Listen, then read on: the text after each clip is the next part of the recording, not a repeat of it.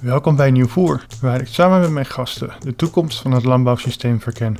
We gaan het hebben over het hoe, het wat en het waarom van onze landbouwtransitie en de bijbehorende biobased economie. Elk gesprek is een stukje van een veel grotere systeempuzzel. Het levert verbindende inzichten op die niet snel gemaakt worden. En de onverwachte kruisbezuivingen zijn bijzonder. Bepaal zelf wat dit gesprek je waard is met een donatie via Petje Af of via onze Nieuwvoer websites. De links vind je in de beschrijving van je favoriete podcast-app. Zo doneerde bijvoorbeeld een luisteraar 1995 omdat dit de prijs was geweest van een goed boek over hetzelfde onderwerp. Hoe groot of klein je waardering, dankzij jouw bijdrage kan ik met Nieuwvoer vooruit. Mijn naam is Alexander Prinsen en ik wens iedereen heel veel luisterplezier. Nieuwvoer nummer 38 alweer. Vandaag met Jan Dirk van der Voort en we gaan het hebben over kaas, over runderen, grasland, bodem en eigenlijk naar alle waarschijnlijkheid de gehele landbouwtransitie. Maar daar zal Jan Dirk ons straks alles over vertellen. Welkom vandaag. Dank je. Mijn eerste eigenlijk grote vraag om af te trappen. Kun je iets vertellen over jullie boerderij De Grote Vaart? Even de context, waar zitten jullie? Uh, zodat de luisteraar ook weet wie we voor ons hebben. En dan duiken we straks de diepte in. Onze boerderij, de Grote Voort, begint zich, bevindt zich in het midden van Nederland. We zijn eigenlijk het geografisch middelpunt. Dat is heel grappig. Als je, als je dat helemaal uitrekent, dan kom je bij ons uit. In Lunteren, in de Gelderse Vallei. Uh, en, dat, en dat ligt tussen Barneveld en Ede? Voor ja, ja, of Arnhem en Utrecht. uh, het is een uh, oud familiebedrijf en uh, het gaat, ja, we zit, ik, zit, ik ben de, de twaalfde, mijn zoon die zei pas, ik ben de dertiende, dus ik ben de twaalfde. Wat we weten, hè, dat kan natuurlijk gewoon nog, nog veel langer ja, geweest zijn. In ieder geval, daar, daar vinden we gewoon uh, hè, de, de bewijzen terug in de, in de papieren. En ja, dat is natuurlijk ook iets om trots op te zijn. Om iets, ook iets. Ik heb me ook altijd heel erg verbonden gevoeld met de plek, met de grond. Want voor alle duidelijkheid, de, deze 12e en 13e generatie zitten ook op deze plek. Jullie zijn niet, ja. niet van elders. Nee, nee. Ik ben er geboren en getogen. En ik uh, ben onderweg naar de andere plek. De andere plek is de boerderij die we sinds kort hebben. En dat is een boerderij in Ede, aan de mhm. rand van Ede, op een eh, prachtig landgoed. Landgoed kennen Dat is een hele oude boerderij. En daar, dat heet Engelenhoven, is ook nog een hele mooie naam. En daar, uh, daar verblijf ik eigenlijk al. Maar juridisch ben ik nog steeds degene die uh, eigenaar is van de Grote Voort. Terwijl mijn zoon er al woont. Ja, maar dat is toch wel bijzonder. Dat je bent de eerste die ik nu spreek die kan traceren dat je teruggaat tot, tot de twaalfde generatie. Dat is toch best wel, ja, best wel bijzonder. Je kent dat van, van Afrika. Daar, daar weet men de voorvaders, de voorvaders, daar kent men de verhalen van. En nou ja, jullie hebben dus een rijke traditie als boer daarmee dus. Ja, en het is natuurlijk ontzettend leuk dat we het vooruitzicht hebben dat de volgende generatie weer doorgaat. Ik, ik, las 16 weilanden op jullie website, 50 hectare. Is dat, is dat groot? Is dat klein? Nou, dat zijn de hectares die bij de Grote Voort horen. Ja. Uh, de hectares bij Engelenhoven, het landgoed Kennem. Dan komen er nu nog weer 23 hectare bij. Dus inmiddels oh, zitten we op 73 ja. hectare. Uh, dat is groter dan het gemiddelde. Het gemiddelde in Nederland uh, is krap 50 hectare. Ja. Het gemiddelde in Nederland is 110 koeien, 50 hectare. Wij hebben 90 koeien. Maar wij groeien nu doordat dat landgoed erbij is. En daar liepen ook 20 koeien. Alleen het waren geen jerseys. Dat, uh, dus we hebben, zijn jongvee nu aan het opfokken die in de loop van dit jaar gaan kalven. Dus in de loop van dit jaar gaan wij groeien naar wat ook onze eindstand wordt. Het, hè, dan, want dan past alles. Hè, dan past alles in de kaasbak. Pakte alles, past alles in, het, in, uh, in de rijpingsruimte. Wij gaan dan groeien naar 110. Dus dan zitten we op het Nederlands gemiddelde als het dan nog het Nederlands gemiddelde is. dat, loopt, dat loopt zo hard op. Uh, en qua hectares hebben we uh, duidelijk meer. En dat is fijn, want we gaan naar een grondgebonden landbouw, denk ik. Als, als, eh, Als antwoord op eh, de problemen waar we in zitten. zitten. En, en hoe ziet grondgebonden landbouw voor jij al uit? Of, doe dat- jij het al best wel lang en dan zie je dat dat voor heel veel anderen ook toepasbaar Nou, is? Ja, nou de grondgebonden boeren die zijn georganiseerd in een organisatie die heet Grondig. Dat is een mooie naam. Ja, En die boeren die eh, lobbyen voor, hè, eh, voor- voor hun eigen positie. ja, We hebben in het verleden gezien dat de intensieve boeren die meer in Brabant zitten, dat die, hè, de ZLTO, dat die zeg maar de lead hadden en dat die zeg maar altijd ervoor zorgden dat de intensieve boeren gewoon aan het eh, langste eind trokken. en dan hebben we het over intensieve melkveehouderij of intensieve... Intensieve melkveehouderij. Oké, Intensieve melkveehouderij, hè, dat zijn dan bedrijven zeg maar, die misschien ook 50 hectare hebben, maar dan 200 koeien. Hè, En dan kun je nagaan dat dat minder past. ja. Want dan krijg je de mest niet meer. Ja, dat is land. de, de definitie wordt nu over gesteggeld. Hè. Er is een definitie waarvan ze zeggen, eh, hè, je mag zoveel fosfaat hè, op een hectare brengen. Ja, En dat de productie, de fosfaatproductie van de koeien in overeenstemming is met de hectares die je hebt. En dan heb je het over eh, ongeveer twee grootvee-eenheden per hectare. en dat is een significante extensivering dan. Ja, ja, dat is een significante extensivering. Maar voor pakweg 40% van de boeren niet. Dat zijn de extensieve boeren. Ah, die zijn, al zijn, aan- zijn dat er al zoveel? Nou, het zijn er veel meer geweest. Dus dat loopt nu terug. Leg mij, leg mij als leek. Nou, we zaten boven de 60%. hè. We hebben dus een aantal jaren geleden gezien dat, eh, dat de quotering eraf ging, de melkquotering. Ja, En toen is er een enorme groei van de veestapel Ja. eh, in, in een hele korte tijd gerealiseerd. Ja, Hè, de, en daarna zijn er fosfaatrechten gekomen. Eh, om, om, En die- om die dat, intensivering- Om, dat, om dat tegen te gaan? nou, de fosfaatrechten zijn er gekomen gewoon omdat ook eh, omdat Brussel gewoon zei van joh, dit gaat te hard. Ze hadden Ja. het natuurlijk niet helemaal los moeten laten, hebben ze wel gedaan. En toen, toen is het teruggegaan van iets van 60% naar iets van 40%. Oké, nou, dank je voor de korte geschiedenis. geschiedenis, dat is dan nog wel weer interessant, want... eh, ja, ontkom ik kom er, ontkom er dan niet aan om dan ook aan te stippen... eh, voordat we de diepte ingaan over eh, de grote vaart en Remeker. Ehm, wat betekent dat dan voor de hele melkvee... me- me- De, de melkproductie in Nederland als we gaan excessiveren? Want dan neemt het volume ook af. Of- Nee. Eh, als je kijkt wat de prognose is van Friesland Campina, Ja, hè, dat is degene die de meeste melk ophaalt, ik denk iets van 80%. Friesland Campina gaat ervan uit dat eh, de veestapel gaat krimpen, eh, 20, 25%. ja, En dat de productieverhoging van de koeien dat gaat compenseren voor een belangrijk deel. Eh, we hebben kort geleden de allerhoogste productie ooit gehaald. Dus in Nederland met veel minder koeien. Dus de productie loopt elk jaar op. ja. Productie hè, zit nu, ik dacht iets van 9.500 liter. Nou, die kan nog veel verder omhoog, want dat is het gemiddelde. Ja, Hè, de voorlopers die zitten al eh, op 15.000. Dus eh, je gaat gewoon meer uit een koe halen. wat hebben die koeien dan veel te verduren? Ja, nou ja, die worden groter gefokt. Hè, of zodat ze meer eh, kunnen eten en dat ze ook meer kunnen produceren. En het voer, dat wordt natuurlijk nog meer uitgekiend. Ja, Hè, en ze kijken dan, eh, ze selecteren ook koeien, zeg maar, die een, een hele goede eh, darmontwikkeling hebben. En dus die koeien moeten dan ook op de darm gevoerd worden om die productie te kunnen halen. hm. ook heftig.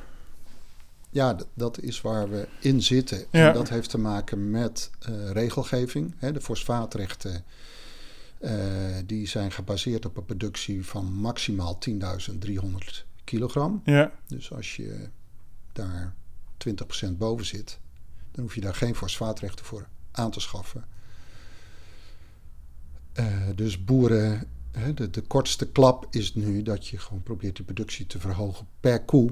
Hè, dan hoef je niet een nieuwe stal te bouwen en niet eh, nog meer erbij. Dus dan zoek je het daar. ja, En voor de melkfabriek is het natuurlijk ook handig. Want als ze gewoon op één plek hè, Meer melk meer melk kunnen halen, is natuurlijk ook voordeliger. Ja, want ik las op, jou, op jullie website en, en de- de, Jersey koe is mooi rond. En eh, dat is dan ook weer het bruggetje, want ik, de koeien die ik in de weiland zie, die vind ik volledig uitgemagerd. Eh, die, tenminste, dat is mijn perceptie. Ja. En eh, dan blijkt toch ook dat de manier hoe jullie met jullie dieren omgaan een hele andere is. Ja, maar dat ik. Kijk, nu ga ik toch gewoon het systeem eh, Ja. eh, eh, werken introduceren. Gewoon ook om duidelijk te maken dat het echt iets, zeg maar, systemisch is. Ik Ja. zie het zo dat de koeien die jij ziet en rapporteert uit de wei. Die, die jij maag, als mager ervaart, dat zijn de koeien die ik rechthoekig noem. Ja, Hè? eh, dat zijn de koeien met lange benen, een lange neus.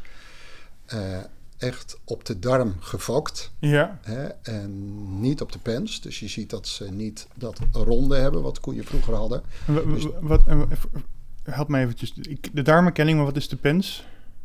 De, de pens, zeg maar, is het hoofdorgaan van de koe, zeg maar, waar eh, De ma- het- het ma- de maag, ja. maag in zitten. Ja, waar zeg maar een koe die juist veel gras krijgt, en Ja. hooi en kauwgras, dat wordt allemaal in de pens verteerd. Ja. En brok hoofdzakelijk daarna, hè, dus op darmniveau. Ja, En mais, hè, snijmais, wordt ook deels in de pens, maar voornamelijk op darmniveau. met, met, met, andere, Verteerd. met andere woorden, ze slaan het hele, dar, het hele maagsysteem over. Terwijl het eigenlijk daarvoor bedoeld is om Ja. alles te verteren. Ja, ja, dat noem ik zeg maar de, het, het technische systeem, technisch denken. Ja, Dat hebben we niet alleen in Nederland, dat, dat is in Amerika ook zo, in Duitsland. Het is eigenlijk in alle landen om ons heen zie je dat die melkveehouderij zich daarheen bewogen heeft. ja, En, en dat we zeg maar in, hè, in heel veel stappen hè, de koe zeg maar zo eh, eh, gefokt hebben dat hij daar heel ja, dat hij die enorm hoge productie aan kan. En dan moet hij dan ook op gevoerd worden. Dus dat, ze- dat, gaan dat ze- hoort allemaal bij elkaar. gaan ze dan ook minder herkauwen? Eh, die herkauwen wel, maar veel minder, ja. ja, Ja, veel minder, is- omdat het al verteerd is. Hè, ja, deels. het is al ja. weg uit de maag. Ja, ja, ja. Het is een hele andere, Ja. het is een hele andere koe Ja, ja, geworden. en zeggen. die is je, ja, ik, ik heb dat zien gebeuren. Dat je, dat je ziet wat er gebeurt. En toch heb ik het pas later gerealiseerd wat dat eigenlijk voor consequenties heeft. En het merkwaardige is dat we daar gewoon met elkaar eigenlijk nooit over praten. Nee, Dus het wordt in de vakbladen eigenlijk helemaal niet. Het is geen item eh, op een of andere manier. Terwijl ik denk dat het. Dit is juist het item. Het is zeg maar. eh, hè, en daarom veroordeel ik het ook niet. Het is een, een, een, een manier van denken, werken, wat ik ook gedaan heb. Dus ik heb ook in dat technische systeem ben ik in opgeleid. ja, ik ben ja, eh, be- hè, 1980 van de Hoge Landbouwschool gekomen en toen werd ik daar al in opgeleid. Je nagaan, zoveel jaar werkt dat al. Alleen toen hadden we nog voornamelijk ronde koeien. ja want, dat, En- want het rare is, nu je het zo expliciet benoemt, als ik naar alle... Ik heb een kind van twee jaar, dus ik le- we lezen veel voor en al die boekjes zijn allemaal rond, ronde koeien. Ja, maar- en hebben ze horens? Eh, ja, Oh, dat is wel heel bijzonder, want de meeste koeien hebben in boekjes al geen horens eh, meer. de, de, de Duitse boekjes hebben allemaal nog gewoon, eh, Oh, ja. hebben allemaal nog gewoon horens. Ja, nou, dat, Eh, dus, dus dat zal misschien daaraan liggen. Nee, het is gewoon echt een ouderwetse koe die je gewoon in, ja, eigenlijk in de Alpen ziet. Die zijn Ja. rond en, en, en, die eh, hebben gehoor- horens. Ja. hebben horens. Ja. En nu je het zo formuleert, zegt en nu ik mijn beeld, als ik langs de weilanden even een keer rij, zijn dat twee hele verschillende werelden inderdaad geworden. Want ik zit net te bedenken, als wij als mens op de darmen gaan verteren, dat is ook niet goed voor ons. Nee, dat, maar dat is ook dat bewerkte voedsel wat helemaal niet gezond is, maar wat wel de hoofdmoot is in de supermarkt.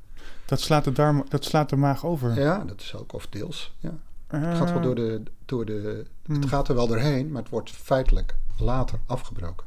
En dan krijgen we al die andere issues, de ziekte van corona en dat soort zaken, omdat de darmen daar niet op, die bacteriën zijn Die zijn er eigenlijk niet voor. niet, het is eigenlijk niet de bedoeling dat het zo gaat, maar dit, eh, ja, dit, dit past zeg maar in dat systeem. Ja, Het, het, het, het gevolg is dus wel dat, eh, dat boeren hier bijna niet meer uit kunnen. Want wat gebeurt er nu met een boer die zegt van joh, hè, bijvoorbeeld een bio- iemand die biologisch gaat werken. Hè, die zegt van nou jongens, ik wil biologisch gaan werken. En die heeft een veestapel hè, met koeien die op de darm gefokt en gevoerd zijn. Wat vrijwel alles is, hè, want je ziet eigenlijk bijna geen andere koeien meer. Dus als je dat als biologische boer, hè, nieuw biologisch boer, eh, ga je dan, eh, kom je erachter dat, het, dat de brok, hè, het krachtvoer, twee keer zo duur is biologisch. ja. Dus dan denk je, nou, ik heb gras genoeg. Hè, waarom stop ik niet wat meer Mhm. gras in die koe? Hè? En eh, dat zijn dan boeren die zeggen, nou oké, die koeien moeten het dan maar doen in de wei. Dat kom je zo vaak tegen. Maar dat, En dan krijgen ze gewoon, eh, en dan, moeten ze, dan krijgen ze die brok dus nauwelijks. Hè. Ze krijgen wel wat, maar heel weinig. En dan zie je die heel, dan gaan ze echt vermageren, want die koeien kunnen er helemaal niet tegen. dat zijn ze ook niet gewend. Dat, En dat is zijn ze niet gewend. Nee, omdat dat, ze zijn er niet voor gebouwd. Ze zijn er niet voor gefokt. En dan, en dan worden ze ook niet drachtig. En dan krijg je te horen van, eh, oh, maar die biologische boeren zien de koeien er niet uit. Ja, Eh, en hij realiseert zich helemaal niet wat hij fout doet. En, en er is ook helemaal niemand die dat tegen hem zegt. ja. Hè, wat, waar het hem in zit. En ik zie dit dus als een, dit is gewoon een systeem. Je, Ah, je wilt, je wilt, nodig, je wilt het systeem combineren Ja. met het andere. Ja, En wat je dan ziet, en daarom zie ik biologisch toch ook vooral als iets in een in technisch denken toch. Je ziet toch dat de meeste biologische boeren toch hun krachtvoer, hè, dat wel dubbel zo duur is, dat ze dat er toch wel inhouden. Hè, misschien wel iets minder, maar Ja. toch gewoon dat. Omdat ze hun koeien, dan zien hun koeien er ook weer goed uit. Dus dan zie je gewoon hoe lastig het is Ja. om daar uit te stappen. Hè, hier, ja, ik, wij zijn dus een boer die daar, wij zijn daar dus uitgest- uitgestapt. We zijn uit dat technische systeem gestapt. Toen wij al bio waren, heel heel lang. En werken nu natuurlijk. En dan kom je erachter dat je dus echt hele andere koeien moet fokken. Want als je dat dus doet, hè, dan krijg je dus wat ik net vertelde.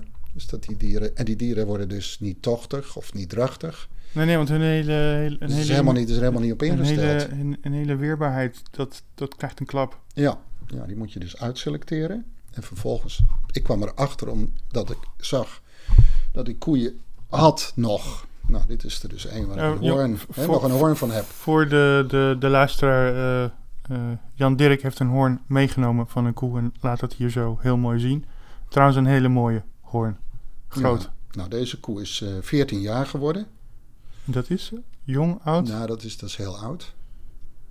En deze koe is eh, die, die heeft 14 jaar. En dit was er dus een die overeind bleef. Ja. Dus die kon, dus, die, kon ik, die ik overstap heb een maken. systeem veranderd in naar gras gevoerd. Ja. En vervolgens eh, bleven een aantal, vooral oudere koeien, die bleven overeind. Want die hadden de juiste. En toen, toen zag ik ook waarom ze overeind bleven. Want die hadden echt een, on- hè, een, een, een fantastische pens, waren niet te groot. Koeien die, grasgevoerde koeien moeten niet te groot zijn. Hè, niet te hoog, niet te... hè. Nou, dit, eh, deze koe, daar ben ik dus stier, een stier van gaan aanhouden. En hoe heet, hoe ze? Oh, dit is eh, Anne. Anne. Ja.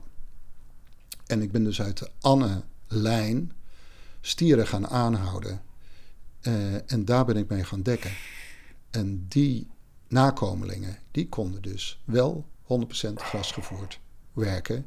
En dat zijn we nu. Bizar. En ik denk dat er in Nederland echt, hè, zonder dat je eh, brok of graan bijvoert. eh, in ieder geval tot de langste dag doen wij dat niet. En de koeien gaan al heel vroeg naar buiten, hè, dus half maart. Ik denk dat er in Nederland eh, geen tien boeren zijn die dat doen. Ik ken er een paar. Eh, Misschien zijn het er ook maar een paar. Ja, ik las, eh, ik volg eh, Arjan van Buren op, op LinkedIn met zijn bijna dagelijkse updates. En hij was ontzettend in euforie. In maart zijn ze buiten voor het eerst en ze redden het. En ik heb me nooit gerealiseerd dat dat zo bijzonder is dat koeien zo vroeg. Voor mij, ik, ik heb de pak in de supermarkt melk. 120 dagen per jaar eh weidegang. En als je dat terug gaat tellen, dat is maar drie maanden. vier maanden. Ja. Denk, hè? Ja, ja, en plus dat jij denkt dat daar heel veel weidemelk in zit. Ik denk dat, eh, dat het gaat om dat die dieren 20, 25 procent van hun rantsoen uit het weiland halen, als ze dat al halen. Omdat ze gewoon wel buiten lopen, maar worden binnengevoerd. Maar zij eten niet buiten. Ja, wat ik zeg, wat- 20, 25 En, procent. en, en jouw koeien? 100, Hon, 100. En het, zijn, het is geen vleesvee, hè? het is melkvee. ja, Dus melkvee, 100% gras. Dat is. maar dat, betekent is- dat die meiden het ook on- ontzettend veel plezier hebben buiten. Nou ja, ze doen het ongelooflijk goed. Want dat, dat, Eh, en, maar je moet dus wel. Ja, ik heb er nog niet zo heel veel van gezegd. Je moet wel in dat systeem gaan denken en opereren. Nou, een van die dingen heb ik net uitgelegd waar ik tegenaan liep. Nou, er zijn er nog talloze andere. Die je dus helemaal anders moet gaan inrichten. Om, zodat het gaat lopen. ja, ver- eh, eh, eh, Nou ja, die bodem moet het uiteindelijk doen. ja. Hè? En eh, wij werkten al En, 20 en, dat jaar biologisch. en dat is natuurlijk het begin van alles. Dat is het begin van alles. Maar hoe krijg je die bodem aan de gang? Ja, want die, wat, wa- wat was je vertrekpunt? Nou, het vertrekpunt was wel dat ik 20 jaar, dat we 20 jaar biologisch werkten. En dus dat er, hè, wat dat betreft, gewoon het middelengebruik. Bestrijdingsmiddelen mag je dan niet gebruiken. Maar met de brok bijvoorbeeld eh, importeerden we toch gewoon nog allerlei middelen. ja, Hè, die zitten gewoon in de brok. Ook een biobrok. En eh, ik had gangbaar stro. Hè, dus met gangbaar stro zit het ook halmverkorters, schimmelwerende middelen. Dus. En ik gebruikte eh, middelen tegen eh, wormen. ja, Nou, die werken heel erg goed hè, als je dieren behandelt tegen wormen. Want dan, maar alles wat eruit komt, dat gaat heel lang door hoor. Gaat ook echt alles van dood. En in die tijd hadden we hè, klauwproblemen bij de koeien. Ik had ongehoorde dieren. Eh, dan heb je klauwproblemen. Dus die gingen door een voetbad met formaline. En die formaline die kieperden we ook om in de gierkelder. Dus al. Hè, dat, en ik was wel bio. Maar dat kwam dus allemaal ook in het land. En eh, hè, we gebruikten gewoon ook wat zwaardere machines als dat we nu hebben. ja. Dus, eh, en, en daarom zeg ik ook gewoon, het gaat om het denken, het systeem Ja. denken. Dus je kunt wel zeggen dat je bio bent, ik was het ook. Maar, eh, en dat is zeker een belangrijke stap hoor. Want ik, ik, de kleren die ik aan heb zijn zelfs bio. Dus ik ben helemaal een fan van bio. Alleen ik hoop dat bio die stappen gaat zetten die wij inmiddels gezet hebben. Omdat dat, denk ik, de, de manier is om er uiteindelijk uit te komen. Uiteindelijk moet je, denk ik, of zou, er gewoon, zou een deel van de landbouw eh, baat hebben bij een echt natuurlijk systeem. Omdat een natuurlijk systeem veel minder energie kost. En, eh, sinds twee jaar zijn de En energiekosten enorm opgelopen. Ja. En zie je dus dat de kostprijs bij de gangbare boeren 10 cent per liter melk omhoog gegaan is. Nou, bij ons is dat misschien anderhalve cent. Dat is een gigantisch verschil. Ja, en, dat, en waar zit hem dat in? Is dat wij hebben geen kunstmest. Hè, dat is drie keer zo duur geworden. We hebben geen krachtvoer. Dat is twee keer zo duur geworden. De koeien doen alles. Dus we komen niet met machines op de weilanden om de boerderij of nauwelijks. Eh, we bemesten daar alleen met potstalmest, één keer per jaar. En eh, steenmeel. Steenmeel, dat is zeg maar... Vroeger liep de Gelderse Vallei onder vanuit de Rijn. Dus nu bootsen we dat na. Dan, dan, dan krijg je sediment. Je bootst het nu na met gewoon basalt. Ja. Vulkanisch basalt, wat gewoon een beetje grof gemalen is. En Ja. dat één keer in de drie jaar Ja, gaat er dat- 1500 kilo per hectare op. En dat is je mineralen aanvulling. Nou, en als we kalk tekort komen, gaat de zeewierkalk op. Hè, dus dat Zeewierkalk, halen we. Ja, dat halen we uit de zee. Het komt uiteindelijk uit de zee. Ja, Dus zo eh, hè, houden we alles wat er uitgaat, kunnen we, vullen we zo eigenlijk aan. Dat gaat, Ja. dat gaat fantastisch. En we binden alle stikstof eh, met koolstof. En de beste manier om dat te doen is, eh, want je moet eigenlijk naar een, eh, dat noemen ze een CN-verhouding in mest. Hè, om, ja Om koolstof, te- stikstofverhouding. ja. Ja. de stikstof is dus eiwit en koolstof is bijvoorbeeld stro. Dus stro is een fantastische manier om dat te binden. En dan heb je een juiste C-N verhouding. En dan gaat je mest niet stinken, maar dan gaat hij rijpen. Maar dat, dat rijpen, dat, dat, de enige die dat heb horen zeggen was Jasper ten Bergen. Is dat, Ja. gebruiken jullie ook? Ja, nou ja, ik, wij zitten helemaal echt wel op één lijn. Ja, ja.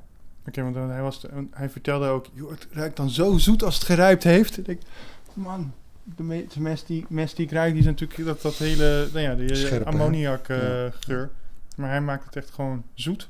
Maar. Dus in, in dat, jullie gebruiken dat dus ook. Ja, dus in een, in, in, als je gewoon, wat wij doen, dus natuurlijk werkt, Ja, hè, dus om die bodem aan de gang te krijgen, dan moet je dus echt werkelijk, hè, buiten alle regels van bio om, eh, gaat het niet om. Je, gaat gewoon, je moet gewoon bedenken dat je, wat je ook binnenhaalt en wat je ook doet, is Ja. dat je alle chemicaliën, alle middelen die niet natuurlijk zijn, eh, verbannen. ja, En probeer daar een oplossing voor te vinden. Of hè, als het niet lukt, hè, dan is het, kun je het ook als een spiegel zien van wat doe ik dan anders fout. Nou, bij, bij ons is dat dus begonnen met eh, ook het stoppen met het gebruik van antibioticum eh, 18 jaar geleden. Wat natuurlijk niet kan, want hè, koeien met ontsteking houden natuurlijk, dat houdt niet op. Maar vanaf dat moment eh, was ik gedwongen om daar hè, natuurlijk een oplossing voor te vinden. De veearts hoef je niet meer te bellen. Dus Ja. en toen ben ik gaan, toen dacht ik van nou, hè, de rode vlag van de koe is op dit moment dat hij een ontsteking heeft. Maar hoeveel rode vlaggen heb ik wel niet gemist? ja. En toen, eh, voordat die ontsteking er ja. komt. Ja, dus toen dacht ik van, oh. eh, en toen ben ik eigenlijk pas gaan observeren. Toen ben ik pas gaan kijken van, eh, nou, hoe kan de koe mij laten zien dat, eh, dat ik het niet goed Ja. doe?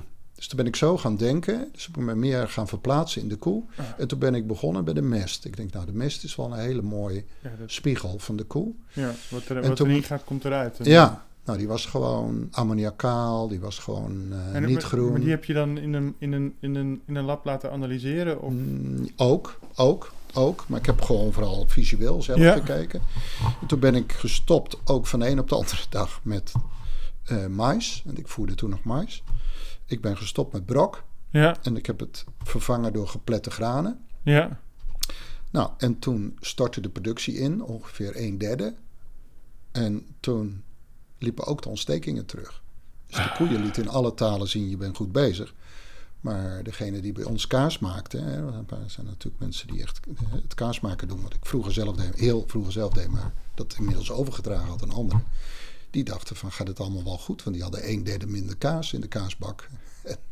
Dat haakt Dus in op hun omzet. dat, ja. eh, dat hakte wel in. En toen heb ik ze meegenomen naar het land. Ik zeg, de koeien laten in alle talen zien dat we goed bezig zijn. En toen eh, kreeg ik wel het vertrouwen. En uiteindelijk eh, hebben we gewoon...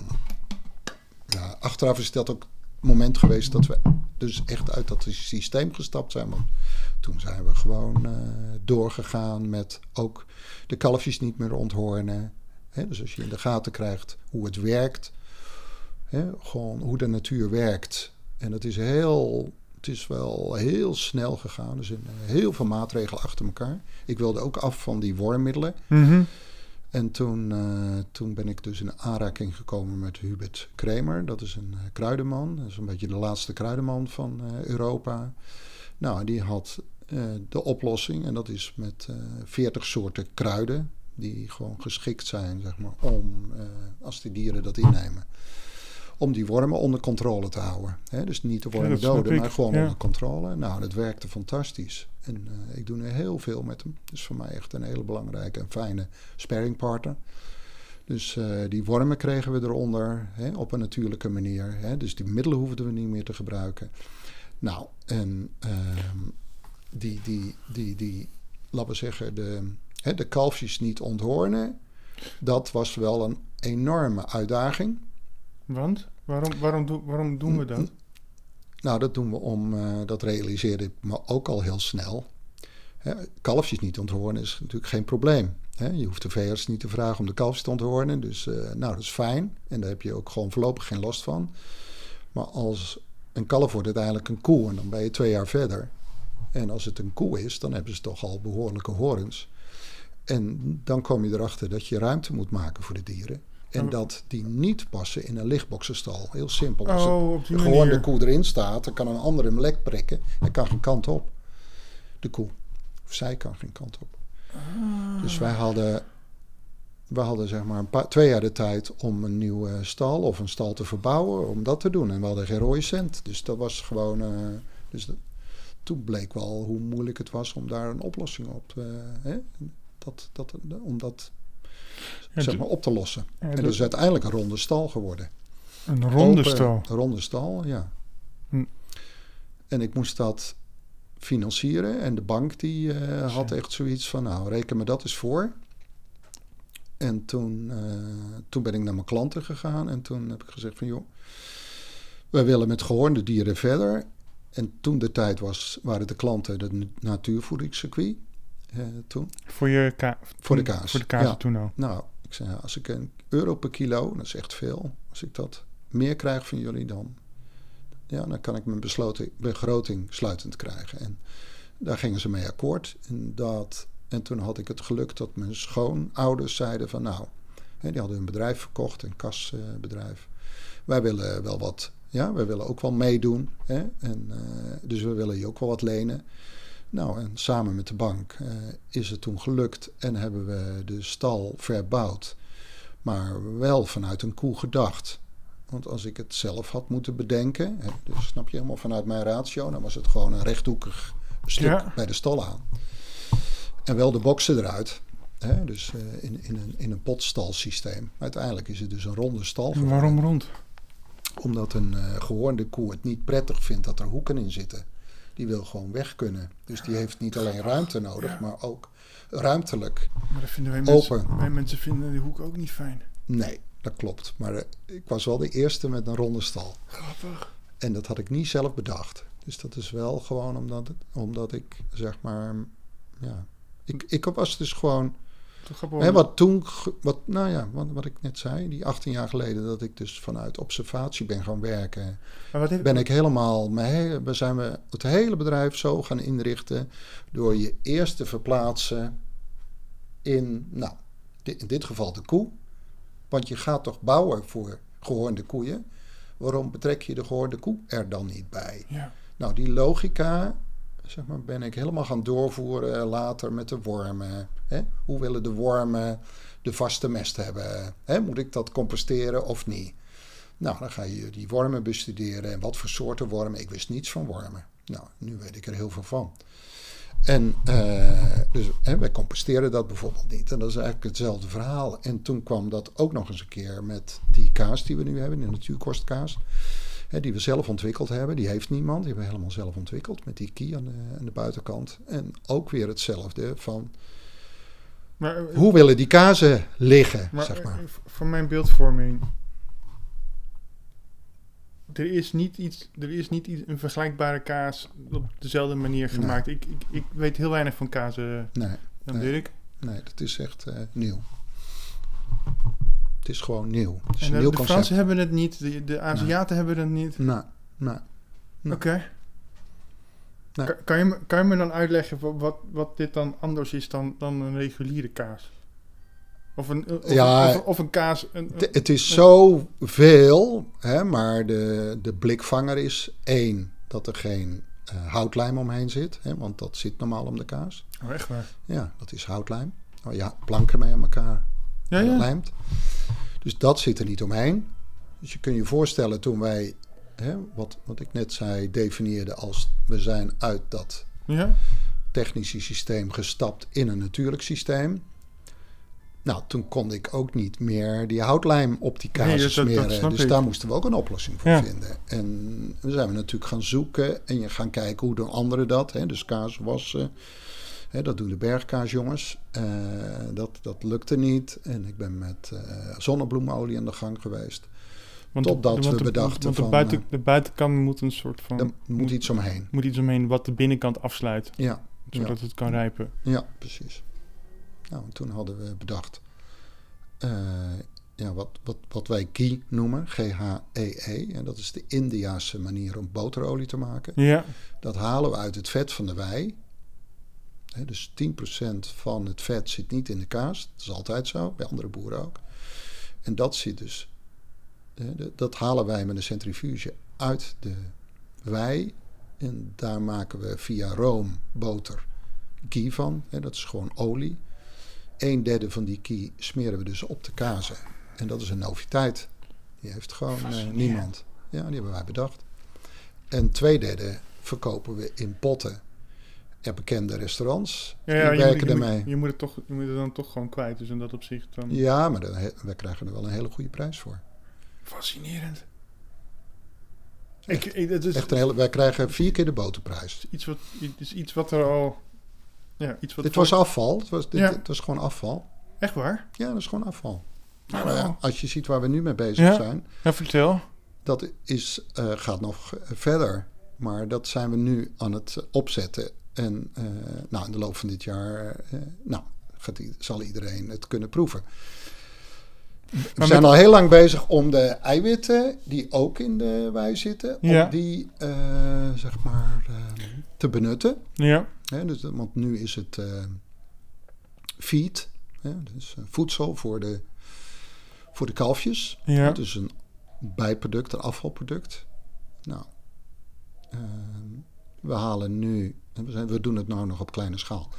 We halen dus wei-eiwitten eruit. Dat kan door de wei te verhitten. Dan komen, komen de wei-eiwitten Ja. eruit. Hè, die twin- 20% van het originele eiwit. De kaaseiwitten zitten in de kaas. En de wei-eiwitten, die halen wij er dus uit. Ja. Daar maken we nu ricotta van. Ja. En dan willen we als verse ricotta naar de restaurants Ja. doen. En niemand heeft dat, want hè, Italië doen ze dat, maar verse ricotta hier naartoe is het niet meer vers. Dus dat willen wij dan vers eh, de markt inbrengen. Ja. Eh, dan heb je, dat heet scotta. Dat is wei zonder vet en zonder eiwit. Alleen met de suikers er nog in, de lactose, Ja. hè, die in de melk zat. Nou, we zijn de eerste die daar, eh, die daar bier van maakt. Dus door zeg maar, al het water in bier te vervangen door deze scotta, Mhm. heb je een bier die echt fantastisch is. Het is heel rond. eh, een goede afdronk. Heel natuurlijk. En de beste stoffen van de melk zitten nu. En die zitten altijd in de wei. Die neem je dan mee naar het bier. Is, dat een, is, is dat een vergelijkbaar als met Rivella? Nee, maar Rivella is dus een frisdrank op eh wijbasis. Ja. In die zin wel. Het is ook gewoon. eh, Cool. Ja. Eigenlijk, eigenlijk wat jij zegt is... Ondanks dat Nederland een... Nou ja, internationaal bekend staat als de, als de grootste melkproducent... doen we eigenlijk nog veel te weinig met wat er... ja, maar dat geldt gewoon. Je, je moet proberen gewoon. ehm, Ik vind het super cool. ik vind het super cool. We hebben, ja, je moet wel omdenken, hè? Dat zeggen ze Nee, zo vaak. Maar, dat, Nee, je, maar je, wordt een eh, biochemicus. Maar ik, en ik heb dat hier ook als vraag, vraag gesteld. Tenminste als vraag opstaan. Want jouw verhaal, of jullie verhaal, ik laat het over jullie hebben, want je bent natuurlijk niet alleen. Jullie verhaal gaat over bodem. Het gaat over micro-organismen, het gaat over wormen, het gaat over insecten, het gaat over eh, spoorelementen. Het gaat over gras. Het gaat over, over je runderen. Eh, en vervolgens ook kaas. En dan eigenlijk, de onderliggend hiervan is natuurkunde, biologie en scheikunde. Ja. Pas, pas als je dat snapt en ziet, Ja. is, dat is de conclusie die ik uit jouw verhaal trek. Ja. Dan ga je nadenken, ja, maar wat, wat zit er nog meer in? Ja, Ik werk met een, met, met- in een project ook met een partner samen, die zegt ook constant, maar wat zit erin? Wat zit er nog meer in? Wat, wat zit erin wat we nog niet weten? Ja. En, en dan zit je op inhoudstoffenniveau en... en, Ja. en, en ja, en dan nog een niveau dieper, hè? Veel mensen, ja, bijvoorbeeld als het om omega 6, omega 3, vetzuren gaat, dat vinden mensen al heel moeilijk. ja, Maar het, het wordt pas echt interessant als je gewoon een niveau dieper kijkt. En wat voor omega 6 heb je allemaal? En wat voor omega 3's? En welke zijn goed? En welke ja, zijn we zeggen, en in welke vorm heb je die dan? Ja, ja en, en, en hoe manifesteren ze zich? Ja. En, en, en hoe is die relatie tot eh, je gezondheid, maar ook je relatie tot smaak? Ja. Omega 6, omega 3 heeft alles met smaak te maken.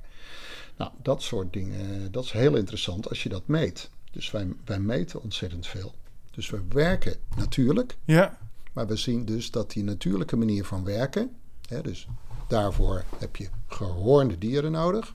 Vroeger waren alle dieren gehoord natuurlijk. ja, En niet voor niks. En je hebt ehm, hè, dus die, die ronde koeien nodig, die we vroeger ook hadden. Dus heel veel wijst inderdaad terug naar vroeger. Nou, en dan heb je. Dan wordt het heel belangrijk eh, hoe je land, zeg maar, eh, functioneert. Ja. Nou, als je dus die, al die middelen eruit haalt, wat heel vroeger natuurlijk er ook uit was, dan zie je, en daar word ik altijd heel erg blij van, als ik met excursies buiten ben, gaan we altijd de grond in, gaan we altijd bekijken hoe dat eruit ziet. Dan zie je dus dat, die, dat de natuur altijd werkt naar balans. Ja.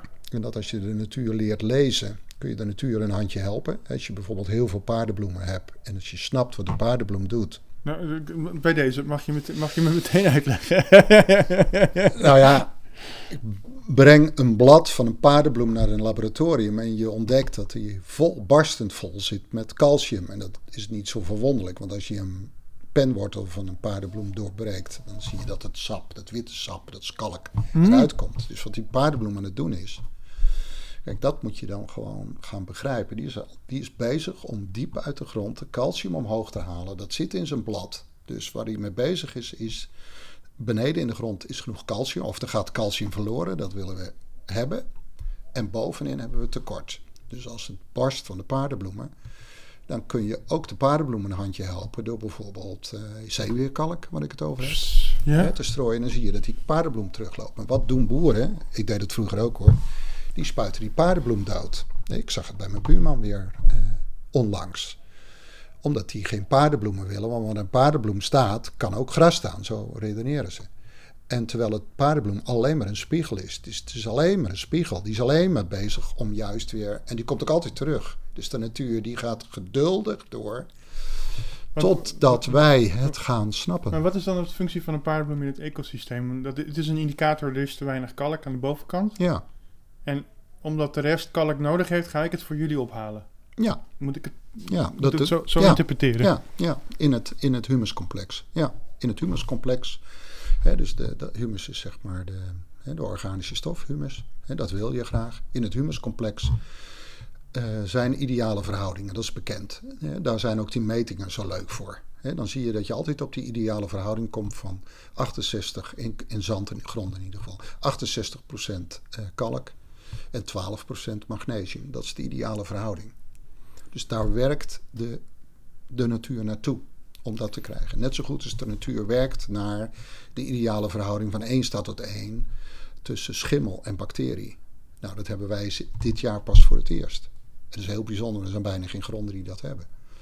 En, en dan, dan gaat het lopen. Dus als die verhoudingen gaan kloppen, dan gaat het gewoon lopen. En, en uiteindelijk, en, hoe, zie, hoe, hoe, hoe, zie je dat? Ja. Gewoon omdat. Um, krijg je, dus je, moet, je moet eigenlijk niks meer doen. Ja. Dat was voor mij echt uh, best uh, een uitdaging. Ja. Ook heel zwaar. Uh, omdat, omdat je dan pas erachter komt hoe het technische systeem of mijn technische denken en werken alles zeg maar uit balans gebracht heeft. Dus je kunt wel zeggen, ik ga nu natuurlijk werken, ik ga het nu echt helemaal anders doen. Maar dan moet je niet denken dat die bodem, dat, dat, die bodem is eigenlijk gewoon totaal in verzet nog met wat jij allemaal verkeerd gedaan hebt. He, dus bijvoorbeeld, je brengt daar zaden uit de catalogus die jij bedacht hebt. He, je ploegt de grond, je brengt die zaden erin. Die match is er nooit.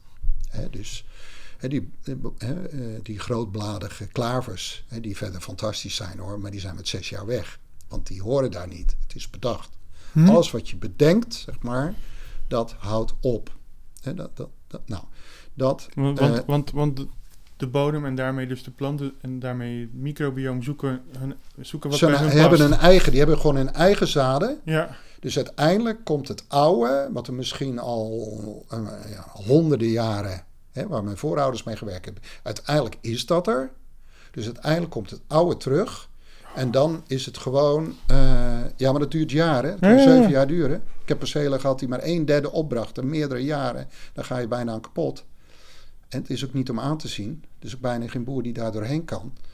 Hè, want dat, dat, is een heel, eh, dat is heel lastig. Ja, dat is je- dat en is- uiteindelijk, dat is je uiteindelijk, eh, death, ja. ja. uiteindelijk kom je, ik zeg wel eens, ik kom bijna in het paradijs terecht als je ziet hoe, het, hoe mooi het eruit ziet. Dat, dat hebben we nu bereikt. Dus uiteindelijk kom je daar en dan zie je dus dat alles wat je vroeger geïntroduceerd hebt, is weg. Dus het is gewoon, het zijn de oude klavers. Hoe weet je dat? Dat zijn die kleine klavertjes. Dus de oude klavers die er vroeger ook waren, die komen weer terug. De oude rassen, de oude grassen komen terug. En alles past dan in de manier waarop jij de koeien weidt. Nou, wij weiden niet lang gras. Wij werden vrij kort. En hè, dat is het systeem waar de koeien helemaal op uh, ingesteld zijn. Ja, maar ik heb niks tegen langgras. Maar Ja, het is ik- gewoon ik, een. ik, eh, ik, ik ben een leek. eh, ja, we hebben een hele dichte zoden. Ja. Dus, eh, en, wer- en werken gewoon kort. ja. Ik heb dus, wij hebben dus bijvoorbeeld breedbladige weegbree. Die voelt zich bij ons thuis. Hè, maar die smalle weegbree past weer meer bij boeren die gewoon met langgras werken. Hè. Dan moet Ja. kruid natuurlijk ook naar boven kunnen. Dus ik heb, hele, ik heb een enorme diversiteit in het land aan kruiden en aan gras. Maar die passen bij het systeem en de koeien passen daar dus ook bij. Dat bedoel ik, dat, dat moet allemaal matchen. Nou, en, en, en, eh, nou komt iets waar ik zelf, ehm, ja, pas later ben ik dat gaan begrijpen. En sinds dat die documentaire onder het maaiveld het goed doet, gaan meer mensen begrijpen wat Mykorrhiza doet. Mykorrhiza heeft denk ik echt alle aandacht van ons nodig. En Mykorrhiza is naar mijn idee ook ehm, de belangrijkste afwezige in, in de meeste graslanden. In ieder geval bij mij was het de belangrijkste afwezige. Mykorrhiza is een, een schimmel die groeit vanuit de wortel. Dat doet hij ook bij bomen.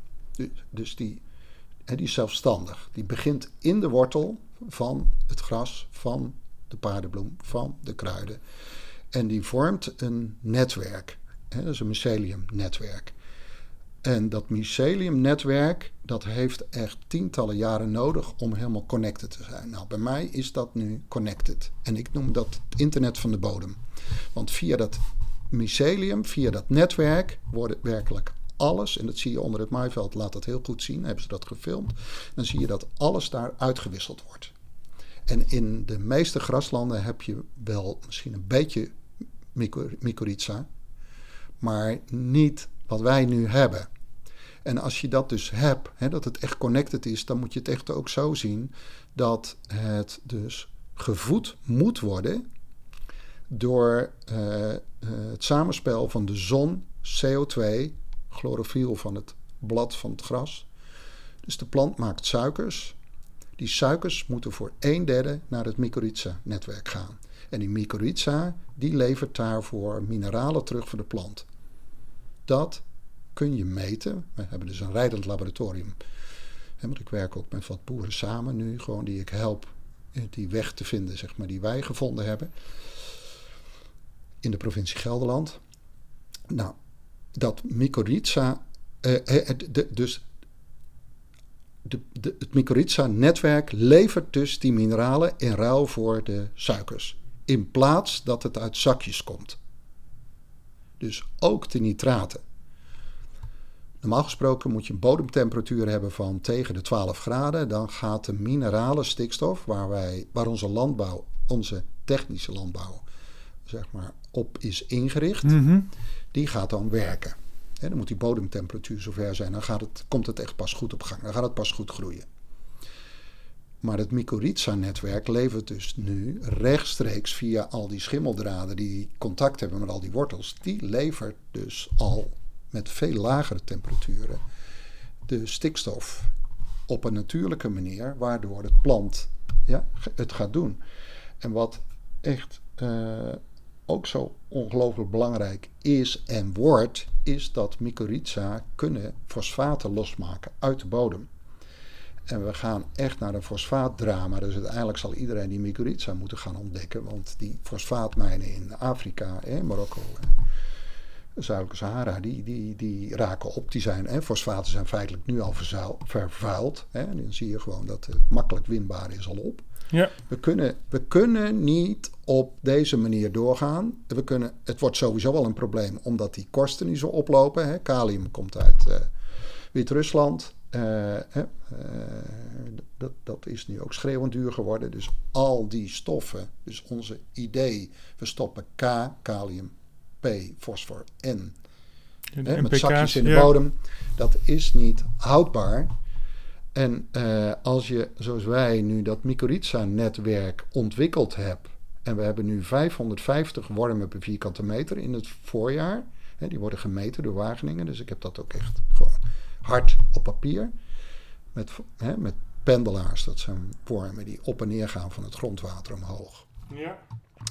Die hebben inmiddels de storende laag waar we in de landbouw allemaal mee te maken hebben. Die, eh, die, en ik ook. Die hebben na tientallen jaren, zo lang heeft het geduurd. Nou, op is- 20 centimeter hebben we allemaal een storende laag doordat we zijn gaan ploegen. Ja, oké. Ja. Dan zit die gro- grond gaat gewoon, het is eerst maar een flintertje en dan vervolgens eh, zet dat door.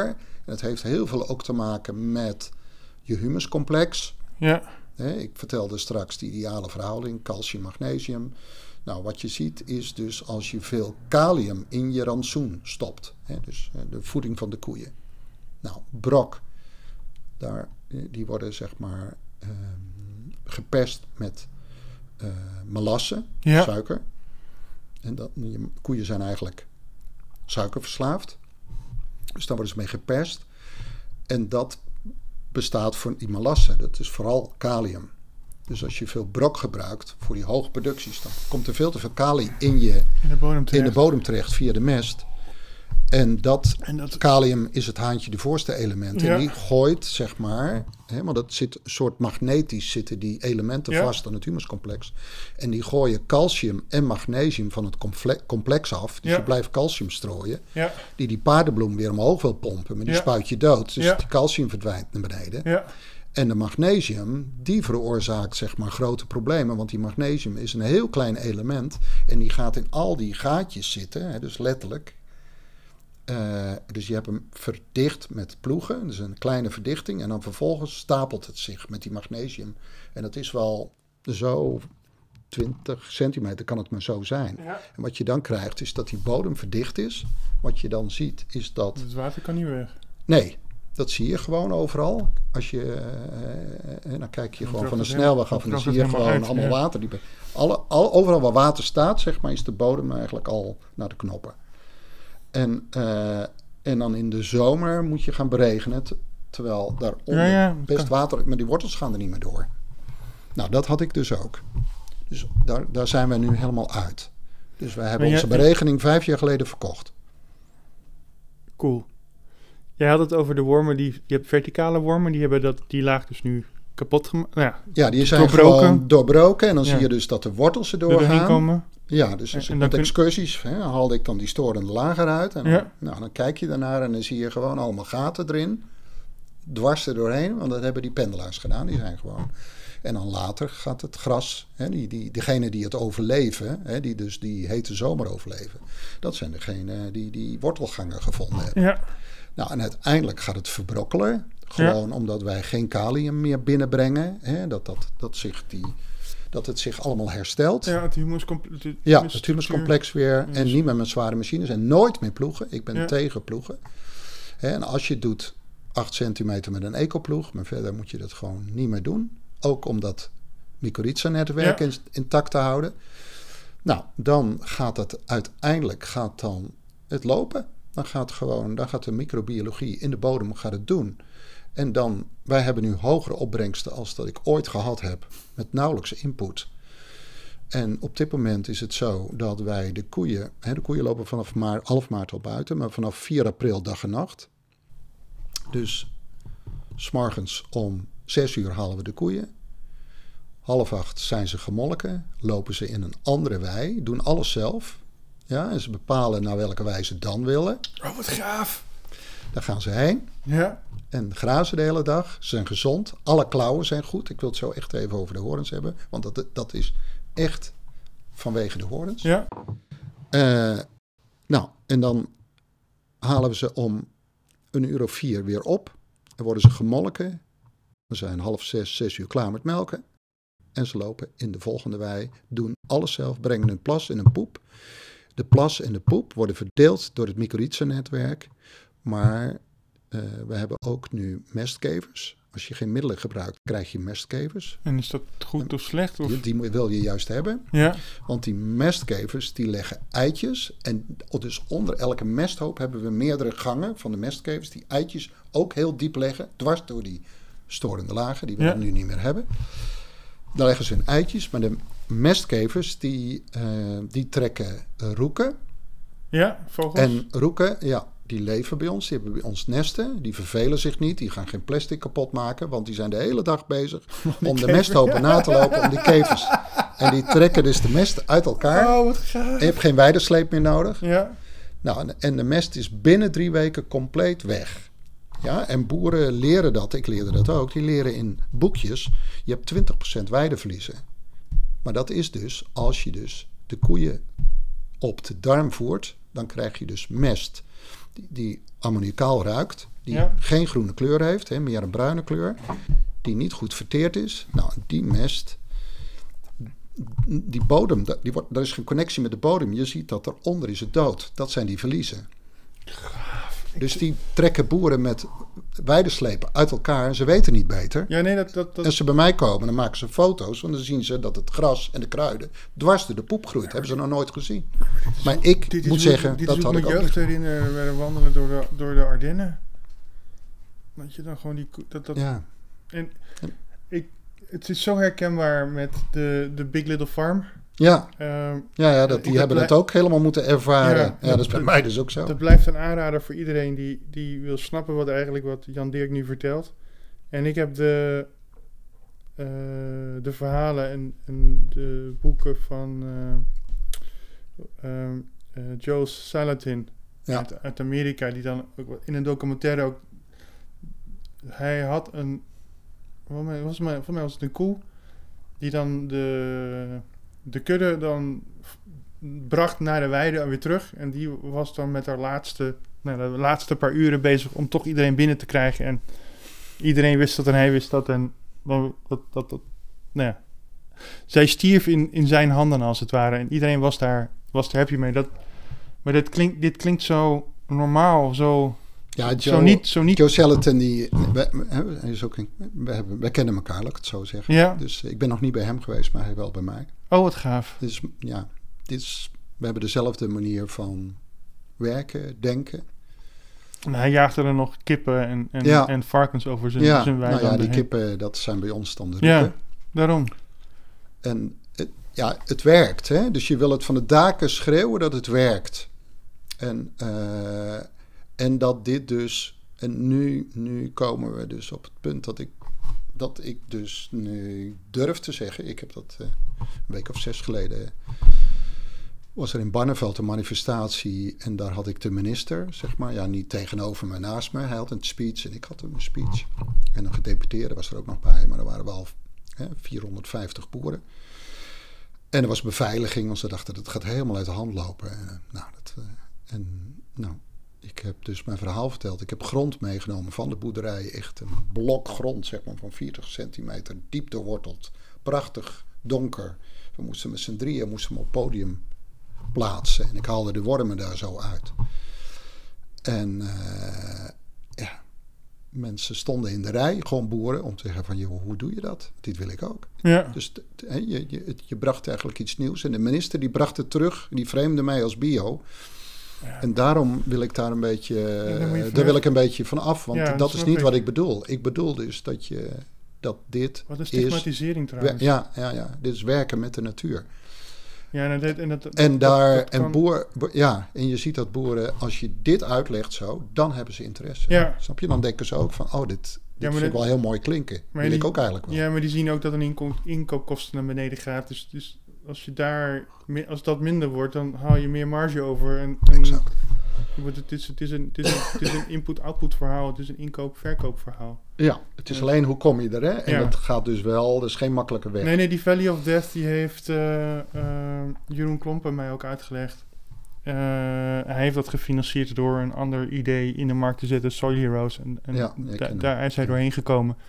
En Cornelis Mosselman heeft een internetondernemer gevonden in het dorp, die hem door, die, door dat dal heen getrokken heeft. Eh, en nou ja, jij hebt daar ook jouw Nou, mijn financiering- klanten, mijn klanten Ja. hebben dit eh, betaald. hebben dit mede gefinancierd. Ja. Want eh, ik krijg kippenvel, want, ehm, want je- hetzelfde eigenlijk met de Big Little Farm. Je, en bijna is het de Bijbel. Je hebt zeven slechte jaren. Even gechargeerd en dat, dat vertelde Cornelis ook. in het begin zie je alles naar de klote gaan. Eh, en, en anderen noemden het het, bodem moet, het hele bodem moet afkicken. En op het moment dat dat afgekikt is, dan, dan knalt het exponentieel weer terug. En dan zie je in één keer alles terugkomen. Eh, en ook heel onbedoelde neveneffecten waarvan je nog niet snapt waarom het er is. Bij hem kwamen de roofvogels en de duiven in één keer naar zijn naar weilanden toe. En hij had dan maar een jager ingehuurd om die beesten... Maar hij zei, de biodiversiteit neemt zo toe. Wat moet ik doen nu? Want dat ben ik niet gewend. Ik ben gewend dat het zo gecontroleerd is. Ja. En nu in één keer komt er meer chaos bij. En dat is ook wat de Big Little Ja, Farm ja. eigenlijk zegt. Hoe meer chaos, hoe stabieler het systeem. Ja. En ik, zoals jij het vertelt, denk ik, ach, één op één daarin. Uh, maar over chaos gesproken, uh, laten we een bruggetje maken naar klauwen en horens. Uh, want ik heb nooit geweten uh, hoe belangrijk de horens zijn voor gehoornde dieren. Dan moet dat, de, dat, ik denk dat hetzelfde geldt voor de olifanten, neushoorns en, en eigenlijk alles die maar een, een hoorn heeft. Um, kan jij mij, mij kan je ons meenemen in, in, in momenten dat je het. Wat, wat was de trigger dat je het realiseerde? En wat, is, wat heb je allemaal geleerd? Ik, ik wist dus niets van horens. Ik wist nog wel als klein jongetje dat voordat wij de lichtboxenstal starten. Hè, we starten met de lichtboxenstal. Dat, dat de horens er afgehaald, afgezaagd werden. Hè, uit de standenstal. Toen hadden ze allemaal horens, die jerseys. En ik kan me nog herinneren dat ik de dieren helemaal niet meer herkende. Want ze hadden nu in één keer geen horen meer, kennelijk. Hè, herkende ik ze aan ja, zeker weten. het geheel, hè, dus met de horens. Ja, elke hoorn is weer vond anders. het ook heel lelijk. Ja. En op een gegeven moment ben ik er ook aan gaan wennen, want er was er alle, hè, was alles, zeg maar. Ja. Hè, dat, dat was allemaal ongehoord.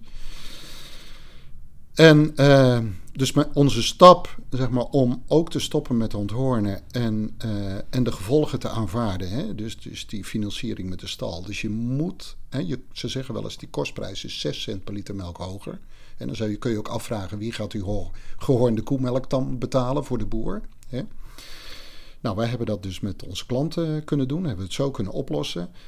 En, um, dus in eerste instantie ervaarde ik eigenlijk alleen maar van, oh, die gehoornde dieren, hè, wel de gehoornde dieren en ongehoornde dieren. Nou, die ongehoornde dieren werden gewoon door de gehoornde dieren in een hoek uh, gezet, uh, als ja. dat kon. Maar gelukkig was die stal rond, dus dat ging eigenlijk best wel goed. Um, maar dat, dat is de perceptie die ook iedereen heeft bij horens. Ze gebruiken het zeg maar als uh, verdedigingsmechanisme. Totdat er zich uh, van alles ging voordoen. En, en, en echt een hele belangrijke is, wat ik echt letterlijk gewoon zo ervaren heb, is dat de, het vet, wat altijd bij ons bovenop de kaasbak drijft, was gewoon in één keer anders. He, dus je maakt kaas en dan heb je een beetje vet en dat, nee, je likt het gewoon je vingers erbij op. Dat was eigenlijk nooit lekker. En in één keer werd dat lekker. Gewoon nog nooit in mijn leven meegemaakt. En ik wist absoluut niet. En ik dacht, waar kan dat dan door komen? Ja. En toen dacht ik gewoon van, zou dat dan komen omdat er nu zoveel gehoornde dieren gekalfd hebben? En we hebben er net een heleboel ongehoornde uitgedaan. Weet je wel, de, de, de, de, de balans ging meer overslaan naar gehoornde dieren in de koppel. Ik dacht, dat kan toch niet? Zou het dan? En de volgende keer was het weer lekker, of nog lekkerder. En uh, letterlijk. En toen ben ik gaan googlen op gehörnte kuien. Ik kan een beetje Duits. En toen vond ik één artikeltje tussen alles van, nou, dat dat dus aangaf dat de vetzuursamenstelling anders is. En toen heb ik Hubert gevraagd van, joh, kunnen we dit eens gaan uitzoeken? Want ik heb nu nog gedeeltelijk gehoorde en gedeeltelijk ongehoorde. Nou, en dat, die resultaten heb ik nog. Heeft hij gedaan met de Universiteit van München en helemaal uitgezocht, heel diep, hoe zit dat dan? Mm-hmm. En dan kom je tot de juiste goede vetzuren en dan kom je erachter, zeg maar, dat er nog meer is dan omega-6, omega-3. He, er zijn goede omega-6 en er zijn goede omega-3's. Nou, alles gaat kloppen als je met gehoorde dieren gaat werken. En dit is, dat heb ik gewoon letterlijk zo uh, ervaren. Nou, maar als je dus. He, dat, is, dat, dat vind ik gewoon een, een, uh, een hele duidelijke, wat nog nooit echt is aangetoond. Dat is dus die ringen. Die, hè, je kunt hier zien hoe vaak die gekalfd heeft. Dit was haar eerste kalf. Dus je ziet bij aan de hoorn hoe vaak een koe gekalfd heeft. Ja, en- dat is en- zeg en- maar een, en een dun streepje en het kan een groef zijn. Ja, maar is voor de luisteraar, de, de, de, de jaarringen ziet er dus aan de, die kan je aan de buitenkant dus zien van het, van het, van het rund, Ja. van de koe. Dus de, de hoorn groeit maar door. Ja. In een jaar is dat ongeveer, wat is het, 2 centimeter. ja. Dus een hele oude koe heeft hele lange horens. Nou, En, en, Die- en, en, en je kan dus het, kal, het kalveren dan, dan ook, dit, dit, dit ontstaat als, het, als de koe hoogdrachtig is. ja, Dus dan ontstaat het. want dan, dan buffert hij alles voor de kleine of is Ja, dat... dan haalt hij dus mineralen, want het is dus een mineralendepot. Ja, En horen is een levend product en dat kun je hier ook zien. Gaan zitten bloedvaten in. ja, dat, Dus hij brengt er mineralen in hè, en dan groeit hij ook. Maar hij haalt eruit als hij het nodig heeft. Nou, dat is dus bijvoorbeeld als het kalf heel hard groeit in de buik van de moeder.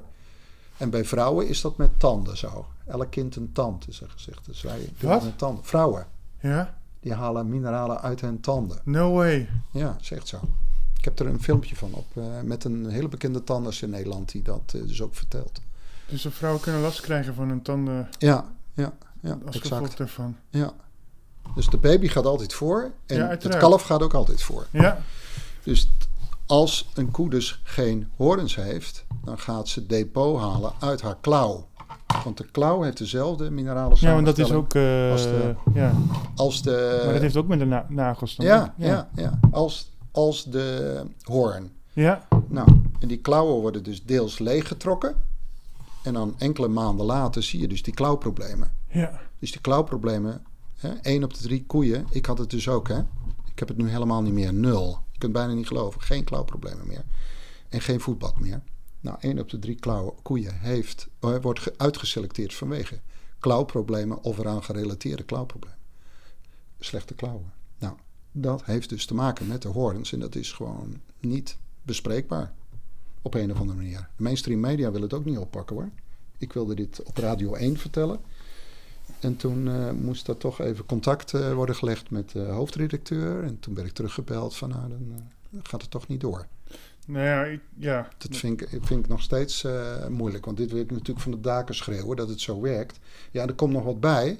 Dat is nu wel wetenschappelijk eh, vastgesteld. Hebben ze bij ons gedaan, het onderzoek. De Universiteit van Utrecht heeft een onderzoek gedaan om te kijken van nou, eh, is er een relatie met de horens en de temperatuur? Hebben ze met een hittezoekende camera, hebben ze dat de hele zomer, hebben ze koeien gevolgd. Ja, En toen hebben ze vastgesteld dat de koeien hun temperatuur, lichaamstemperatuur, hè, wat de hond doet met zijn tong, doet de koe met zijn horens. Dus ze hebben vastgesteld als het buiten 30 graden is, dan is de hoorn 40. Dus daar koelt hij mee. Dus met die. omdat met, het bloed, bloed daar is en het kan natuurlijk, en, en dat kan natuurlijk meteen Ja, nou ja, vet. vet hè? Dit zijn echt dingen, dit is echt gewoon. Maar, Ja, maar- de horens gaan dus verdwijnen. En daarom wilde ik ook op de Radio 1 Ja, ik dus wat aan doen. want want- Wageningen wilde het weg, eh, geneti- ge- genetica... eh, Nou ja, de Partij van de Dieren heeft toen hè, op zich gewoon, denk je van, oh, dat is toch fantastisch. Hè? Die wilden dus dat je er geen hoorns, en die dieren niet meer onthoornd mochten worden. Maar beseffen niet wat de consequenties is. De consequentie is dat het systeem nu hoornloos, en dat heet POLT, dieren fokt. En als je bedenkt dat, Ja, maar dan... en bedenkt dat hoornloosheid dominant is, moet je nadenken, gaan. Dan zouden toch alle dieren ongehoornd zijn. Dus het is een heel groot experiment dat ze dit doen. Ja, maar dan gaan we alleen maar problemen krijgen met die beesten. Dus dat speelt nu, want dit wordt volop ingezet. Dus dan Ja, heb je dit- straks gewoon dieren die, nou dat zijn ze al bijna, gewoon dieren die gewoon onnatuurlijk grote Ja, eh, eh, eh, darmen hebben. darmontwikkeling hebben. En En- super kleine dan- magen. Ja, 7 liter minder aan inhoud, aan dat maaginhoud. is eh, volgens mij significant voor een beest. Ja, ja, en ook nog eens genetisch ongehoornd zijn. Maar dan, Ja, dat is, dat is nu de, het Maar gevolg van ik- technisch eendimensionaal maar denken. dan snap ik ja, Korteberg heel goed nu. Dat hij naar vegan melk wil. Dit, dit, dit, Korteweg, ja. ja, ja. Korteweg. Ik heb hem nog niet gesproken voor nu voor, maar nou snap ik waarom je het zo snel mogelijk die, ja, eigenlijk die melkindustrie. Ja, ik, ik zit toch gewoon anders in Nou ja, hierin, omdat ik wil... Vanuit, nou, ik, vanuit, vanuit mainstream gedacht. ja, ja, dat wel, maar waarom kunnen we niet veranderen? Nee, nou ja, ik, ik, ik, je had het over ronde stallen. Ik denk dan aan eh, de rondeel eh, eh, en, en, en, soort en, en de kipster. Die wel laten zien dat je dus vanuit de dier gedacht Ja, een compleet precies. ander Kan, kan toch ook? accommodatie eh, kunt realiseren. Maar als ik nu gewoon een systeem voorstel, Ja. oké, we moeten door die transitie. Dan ga je dus gewoon, eh, dan ga, moeten de koeien kloppen bij de ja, hectares die om het huis liggen. Wij zijn, ik was en toen ik in 1980 boer werd, toen had ik met mijn vader 130 koeien en ik ben teruggegaan naar 75. maar wat je eigenlijk zegt. Wat, wat jij eigenlijk zegt, en dat is, is wel een hele interessante. Want. ehm, het is, een, bedoel, Je, eh, eh, je hebt de bodem nodig om het, om het grasland te doen. Eh, je hebt de koe nodig om het gras en de bodem weer te herstellen. Maar je hebt ook een koe nodig die, die, die in zijn vol ornaat, ga ik het zo formuleren, kan functioneren. En dat heeft direct, dat heeft dus nog extra impact op de melk. Want ja, het gras heeft impact op de koe, maar de koe zelf als wezen heeft ook impact op de melk. Maar als jouw melk in kwaliteit omhoog gaat, dan kan Nederland kwaliteit melk leveren wereldwijd die ongekend is. Ongekend is, ja. En dan, dan, dan heb je een exportproduct. Zeker, als je die melk zoveel mogelijk intact laat. Ja, ja, Maar wat ze nu doen, ja. is dat ze die melk uit elkaar halen. Eerst gaat de lactoferine eruit. Dat is het is- meest gezonde stofje in de melk. Die halen ze eruit. Die brengt te veel op. Want- Dus je hebt gewoon die, melk die, de verkopen ze, die verkopen ze Die verkopen ze voor babymelk. Die lactoferine halen ze eruit. En die zit niet in de gewone nee, melk. nee, nee. No way. Ja. Oh, dan kun ik ook stoppen met het eh, geven van melk aan mijn, kind. Dan, Ja. Dit soort dingen heb je wel Ja. nodig in je... In je, Ja, in je- ja, plus dat je gewoon de hele verkeerde omega-6, omega-3 verhouding in je melk hebt. No way. Ja. Eh 6, 7 staat het 1. Hij moet eigenlijk 1 staat het 1 zijn. Plus dat je gewoon wil dat die melk... Ik denk dat je gewoon... eh, wat je kunt doen is eh, bij de natuurvoedingswinkel die... die die, ge, die gefermenteerde melk, die is nog rauw ook. Rauwpower is dat. Ja. Dat, is een goed, eh, dat is een goed voorbeeld. Kijk, ik, wij, wij doen alleen kaas, maar dat is wel een hele mooie met die kefir. Ja, ik, ik denk die kefir, die is zo lekker zoet. Die is zo... Ja, nou zo- ja, dat is denk ik het beste wat je kunt doen. Het beste wat je aan kinderen kunt geven. Die is niet bewerkt. Je moet eigenlijk naar niet bewerkt product uiteindelijk. Gewoon, eh, dus die melk ook. En dan moet je hem wel verzuren. Hè, omdat we geen... eh je mag geen rauwe melk in de supermarkt verkopen. Dus dan moet je het op die manier doen. Dat kan. Dan doe je gewoon jezelf. Ah ja, op die manier, je, je kefir is verzuurd, waardoor je hem wel kan... Ja, dan, dan mag het juridisch. Zijn er landen in de wereld waar rauwe melk in de supermarkt zit? Ja, in Duitsland. Voortzoegsmelk heet dat. Maar het is maar heel klein. In Frankrijk is het wat groter. Maar het is klip en klaar dat je dus wel in een natuurlijk systeem moet zitten. Want als jij gewoon een niet-natuurlijk systeem hebt en je hebt rauwe melk, ja, dan kun je er van alles in hebben. Ja, op die manier. Ja, ja, ja. ja. Het, Dus wel het, het, op moet- een- het, moet wel gezonde, eh, eh, eh, ecologisch, geef alle termen maar daaraan. Het, Exact. het moet, het, Dus het moet ook gewoon moet schone melk zijn. goede. Wij controleren ook alle melk op colie, lacto, altijd. En op kokken. Dus we al, altijd, wordt altijd onderzocht. Ja, elke- want elke kan- charge. Hè, dus dat je weet eh, wat je aan het doen bent. En dan kun je ook van leren. Hè, je leert ervan. Dus je moet wel heel goed weten wat je doet. En maar het moet wel gewoon. eh, Ja. Het moet wel, zeg maar, eh, verantwoord zijn wat je aan het doen bent. Is- Maar ik geloof heel erg in een Ja, in een manier waar we, hè, we zouden met elkaar dit, hè, ik ben blij dat ik hier ook podium krijg, dus met elkaar zouden we kunnen zeggen van nou, we hebben naast het technische systeem, hè, wat we helemaal uitgemolken ja. hebben en hebben we, hè, we- we- wees trots op wat je allemaal niet als mens gedaan hebt, maar zie je ook dat we nu, nu de energiekosten zo gestegen zijn, dat er een ander systeem is. Nou, ik toon aan dat ik een lagere kostprijs heb nu. Hè, we hebben het niet over bio, ik heb gewoon een lagere kostprijs. Ja, Dat, kunnen, ze, dat kunnen ze moeilijk hebben hoor. Nee, maar dat, dat, daar, daar dus draait het daar, om. daar, eh, ja, Ja. daar, nou, de, hè, jongens, middelbare school, studenten komen bij mij. En ik begin bijna altijd met mijn derde zin al daarmee. Hè, en dan gaan alle mobieltjes weg. Want dit hadden ze niet verwacht. Nou, en dan toon ik dat aan en ik bouw het op en ik laat het zien. En dan kun je gewoon niet omheen dat, dat, dat we dat hebben. Ja, dus met minder, Nou. met minder vee. Veel minder vee. Ik verdien, wij verdienen geld. Ja. Ja. wij verdienen geld. Met minder vee, minder werk en, eh, en gezonde koeien. Ja, en je hebt dus minder kalfjes nodig van een koe voor de vervanging. Heb je allemaal helemaal niet meer nodig. Koe hoeft niet meer elk jaar een kalf. En dat kan met veel minder. En dat is met mensen ook zo. Dat is ook niet, hè, waarom zou je elk jaar een baby? Dat hoeft toch helemaal niet. Nou, dat hoef je met koeien kun je dat natuurlijk ook doen. Nou, en ik wilde het daar ook nog wel met je over hebben. Want ik heb Joost van Strien langs gehad. Ja, Ik weet niet of je hem kent. ja zeker. En, Ja. en, en hij, nou ja, hij heeft ook een, een moment gekregen. Joh, leuk dat dierlijke mest. Maar het feit dat een koe constant een baby moet krijgen, dat, dat, dat is dieronwaardig. En dat, als je dat, dat nou, op een mens zet, die, ja, dat, dat, dat is raar dat een koe constant moet bevallen en dan vervolgens Ja. de kinderen nooit meer ziet. ja. Ehm, dus kun- je, kun je ons uitleggen voor ook hoe jij naar dat onderdeel van het systeem zit? Want dat, dat is ook, ja, jij hebt de melk nodig, maar in het gangbare systeem wordt dit als een afvalstroom gezien. Eh, want het, het moet weg en we verkopen het maar als vlees. Eh, er zijn een paar partijen die daar heel rijk van worden. Mhm. Ik, ik las laatst, Ierland wordt zich nu ook daarvan bewust. Natuurlijk ook een groot melkproductieland. Mhm.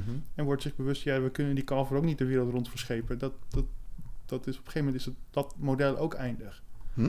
Hoe, hoe, ja, hoe kijk jij ernaar? Wat doe jij ook om het leven van een, een, nou ja, een baby... Ja, bij, bij, bij ons is het gewoon zo, als het heel vaak gaat, is het gewoon zo gegaan dat we, eh, we zien nu dat we heel weinig uitvallers meer hebben. We zien dat de koeien veel ouder worden. We hebben immers helemaal geen klauwproblemen meer door die horens.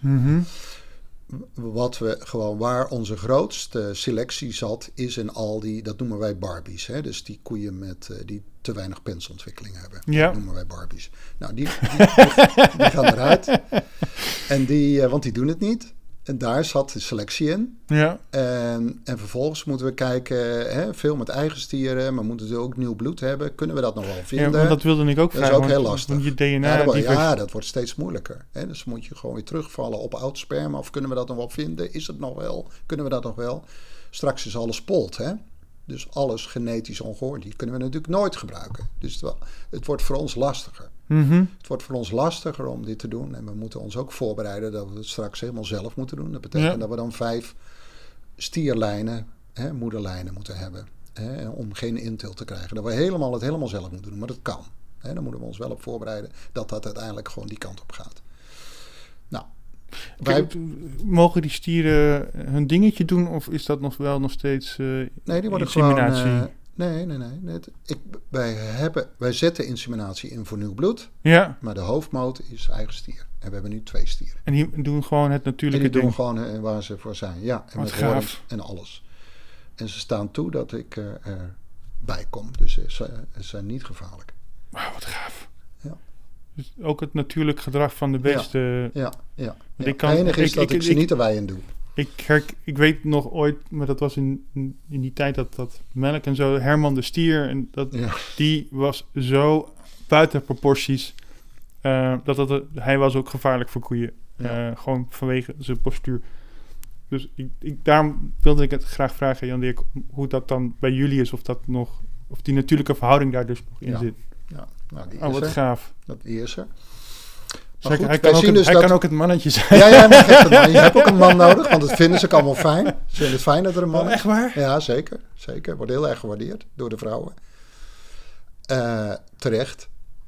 En eh, dus doordat we zo weinig nu selecteren, hè, ze Ja. worden nu ouder, een koe kan wel 20 jaar oud worden. Hè, dan, dan haal je wel de krant hoor, als het zover is. Maar we zien dat de koeien ouder worden. En eh, dat betekent dus dat je minder hoeft te selecteren. En dat betekent dus dat we minder vervanging hebben, we minder plek. Ja. En dat zou betekenen dat die kalfjes, die vaarskalfjes, dat die eh, ja, dan naar een ander bedrijf moeten. En die hebben bij hun moeder gelopen, die hebben hun horens. Nou, die gaan we dan af. Ah, dat, dat kan niet. Dat kunnen we niet. Dat, heeft, dat hebben mijn zoons ook. Dat, dat kunnen we gewoon niet. Dat weten we allemaal. Dit, dit gaan we niet doen. ja. Dus ja, dan moeten er dus veel minder kalfjes komen. En hoe kunnen we dat doen? Nou, het beste is gewoon eh, Maar- zoveel laten te dekken. Maar minder kalfjes betekent dan ook minder melk in mijn, op, in, Nou, in mijn eh, wereld. Ja, maar dan hebben ze ook... Ze hebben altijd een droogstandsperiode, heet dat. Hè? Ja. Dus voor het kalveren staan ze zes weken, twee maanden droog. Nou, dat dan geven ze geen melk. Ja. Dus dat, als je dat, zeg maar, in plaats van één jaar, hè, maar we zitten nu op anderhalf jaar, maar we zouden nog wel verder kunnen gaan misschien. We zitten nu op anderhalf jaar, dan kun je die droogstandsperiode ook delen door anderhalf in plaats van door één.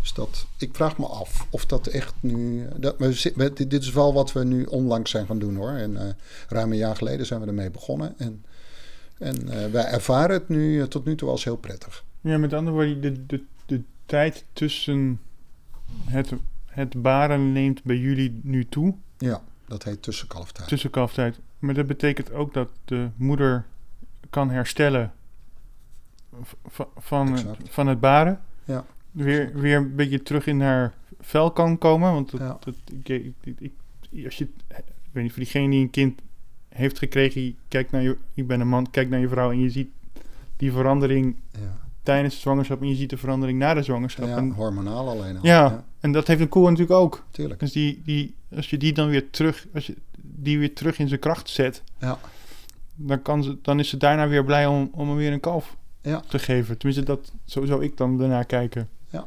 En, niet, Ja. en niet dat je de hele tijd moet, omdat, iemand Ja. an- omdat de mens dat van je eist. ja, zo zie ik het ook.